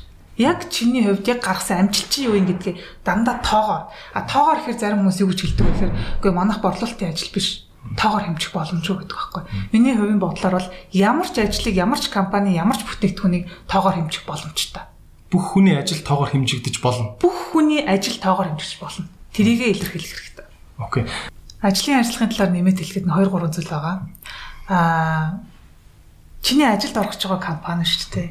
Тэр компанид яагаад чи хэрэгтэй юм гэдгээ өөр аюулсаа илэрхийлэх хэрэгтэй байхгүй. Түүнээс идрээ чин чи хэр мундагтай бол ерөөсөө биш. Чи энэ компанид яг юу өгч чадах юм? Яаж чадах юм? Чиний тэр туршлага чинь мэдлэг чинь энэ компанийн хувьд яагаад үнцэнтэй юм гэдгээ аюулсаа ойлгох хэрэгтэй. А хоёрдугаар өрөөнөөс өрөөнд орж ирлээ ярьцлах эхлээ чи өөрийнхөө орон цаг бий болгоод ерөөсөө эхэлсэн цагаас эхлээд өөрийгөө борлуулах хэрэгтэй. Тэгээ сүүлийн нь 60 секунд ирвэл дөрөм гэдэг байгаа шүү дээ. Томоохон олонсын компанид ер CV чинь 60 секунд л хардаг. Тэгээ уулзтаа ч гэсэн маш товчхон уулздаг болсон болохоор өөрийгөө борлуулцаа. Хэрэг гэсэн зүйл лээ. Яаж тэгнэ гэсэн үг одоо. За хоёулаас өөр жишээ гаргая. Надад санаа. За За хоёлаа. За надаас ажлын ярьцлага авт юм уу гэдэг. За тэгэл та. Яавал одоо гоё ажлын ярьцлага гарах уу те? амжилттай. За тэгвэл хоёул шууд жишээн дээр ярьчих. За окей. За чи ямар компанид ажилламаар? За Google. За Google. Google ямар албан тушаалтай? Аа, за мэдхгүй борлуулалтын албаны дарга. За, борлуулалтын албаны дарга. За чи тийм Google-ийн борлуулалтын албаны дарга чи ярьцлаганд орох гэж байгаа. Миний хувьд хүний нөөцийн захирлан ч юм уу те чамаас ярьцлага авч байгаа. За хамгийн нэгдүгээр асуулт. Эдрээ өөрийнхөө тухай танилцуулаач бид нарт. Уран сууж. За. Окей. Аа би ингээд байгууллагын борлуулалт 3 жил хийж үзсэн. Аа жилд 40 гаруй байгууллагт зарахад амар хэцүү дуудлагын төвийн систем гэдэг юм ойлгомжгүй бүтээгдэхүүнийг зарж исэн туршлагатай. Аа нэгж бүтээгдэхүүн гэх юм бол одоо сургалтын үйлчлэгээнүүдийг бол олон мянган хүнд зарж үтсэн ийм туршлагатай хүн байна. За чи хэр сайн бос гэж бодож байна. За аль болох л өөрийгөө зарахыг л хичээлээ. Гэхдээ Google-ийн зүгээс болохоор дээ. Google компаниар төсөлж байгаа шүү дээ. Окей. Чамаас илүү хэдэн зуун мянган хүмүүсээр ингээд зарцсан хэдэн технологитой хүмүүс орж ирсэн баг ш. Тэгэхээр яг чиний идрээ гэдэг чинь яг бүр ялгарч тодорч гарч ирэхгүй байгаа байхгүй. Тэгэхээр яаж гарч ирэх хэвээр гэхээр нэгдүгээр шүү дээ. Google компани ч өөрөө ямар үнцөлтэй бодох хэвээр ш. За Google нөгөө technology base те. Чиний одоо Call Pro компани ч нэ те технологитой холбоотой компани үүсгэн байгуулсан, хөрөнгө оруулалт авсан. Хоёрдугаар за Google компани advertising компани шүү. Тэ? Маркетинг гэвэл тэр тэг YouTube-тэй. Тэг чи YouTube channel дээр реклам явуулж байгаа. Чи бүр social дагчт нь хийдвүлээ те. За гуравдугаарт Google юу гэдэг лээ? Translate гэдэг. Орчуулагч. Чи чинь нөгөө Hippocart гэх тэгээд байгаа шүү. Тэгэхээр чи ерөөсө Google-ийн хувьд юу чухал вэ гэдэг өөртөө нааж өгс таахгүй. Тэгжиж чи аа энэ хүн чи үнэхээр бид нарт хэрэгтэй хүн байна. Тэгэхээр зүгээр л өөрийнхөө хийсэн хамгийн бест юмыг хэлэхээсээ илүү Google-ийнхний хийдэг юмд нь яг миний зөксөн юмнуудыг л авч гэж байна тийм. Чи Harvard-д сурсан байна уу? Надад манай компани хамаагүй гэж болно ш. Чи Harvard сурснараа биднэрт яаж нөлөөлөх юм? Тэгэхээр яг Google-ийн гол үндсэн бизнес дээр чи өөрийнхөө бизнесийг танилцуулах хэрэгтэй. Энэ дугаарыг танд хүргэсэн Golpro За өнөөдрийн зочин номин байла олон улсын мэрэгжсэн коуч гэдэг мэрэгчлээ коучинг гэдэг энэ салбар мэрэгжлийн талаар та бүхэн ойлголт авсан байх гэж бодож байна. Мөн залуучууд маань аа тэг би яг залуучууд гэж яриад байгаа шүү. Бүх насныхандаа хандж байгаа шүү. Тэг ажил мэрэгчлэлт нь амжилт төсөө тэгээд өнөөдрийн эпизодын спонсороор American Colhan брэнд байлаа. Тэгээд манай брендинг бэлэг ирж байгаа шүү. Нөө бачаараа. Тэ Colhan брендинг бэлэг та бүхэнд ирж байгаа. Та бүхэнд гэж танд ирж байгаа. Надад бас Cohan брэнд бэлэг явуулсан байлээ. Баярлалаа. А усны сав юу байлаа да айгу гоё юмнууд дотор нь байлаа. А тэгээ та бүхэндээ бас нэг зүйлийг түрүүн буруу ойлгочихгүй гэж бодсон. Түрүү эмгтэй хутлаа үзүүлээ айгу байлаа. А эмгтэй пүүз им шин загварууд ирсэн байгаа мөн эмгтэй өсгийтэй гутал нь Cohan брендийн хамгийн том одоо ялгарл бол завгүй ийм хотын хүмүүс алхаад ямар ч хувцсан дээр ямар ч загварын хувцастай өмсөд явхад боломжтой готлыг хийдэг алдартай ялангуяа уул нь их алдартай ийм брэнд байгаа. Тэгээд эмэгтэй хүн 6 см-аас өндөр өсгийтэй гутал өмсөхөөр хөл мөлнийх нь одоо булчинт айгүй эвгүй болд юм байна. Тэгэхээр Colhan брендing Colhan брендing эмэгтэй гуталнууд бол нэг иймэрхүү өсгийтэй эвтэйхэн гутлууд байгаа шүү. Тэгээд та бүхэн сонирхоорой Colhan брэндд баярлалаа. Зочин номондоо баярлалаа. Маш их баярлалаа. Тэгээд сонсч байгаа та бүхэндээ баярлалаа. За эпизод дуусгая. Дуусгая. За. За.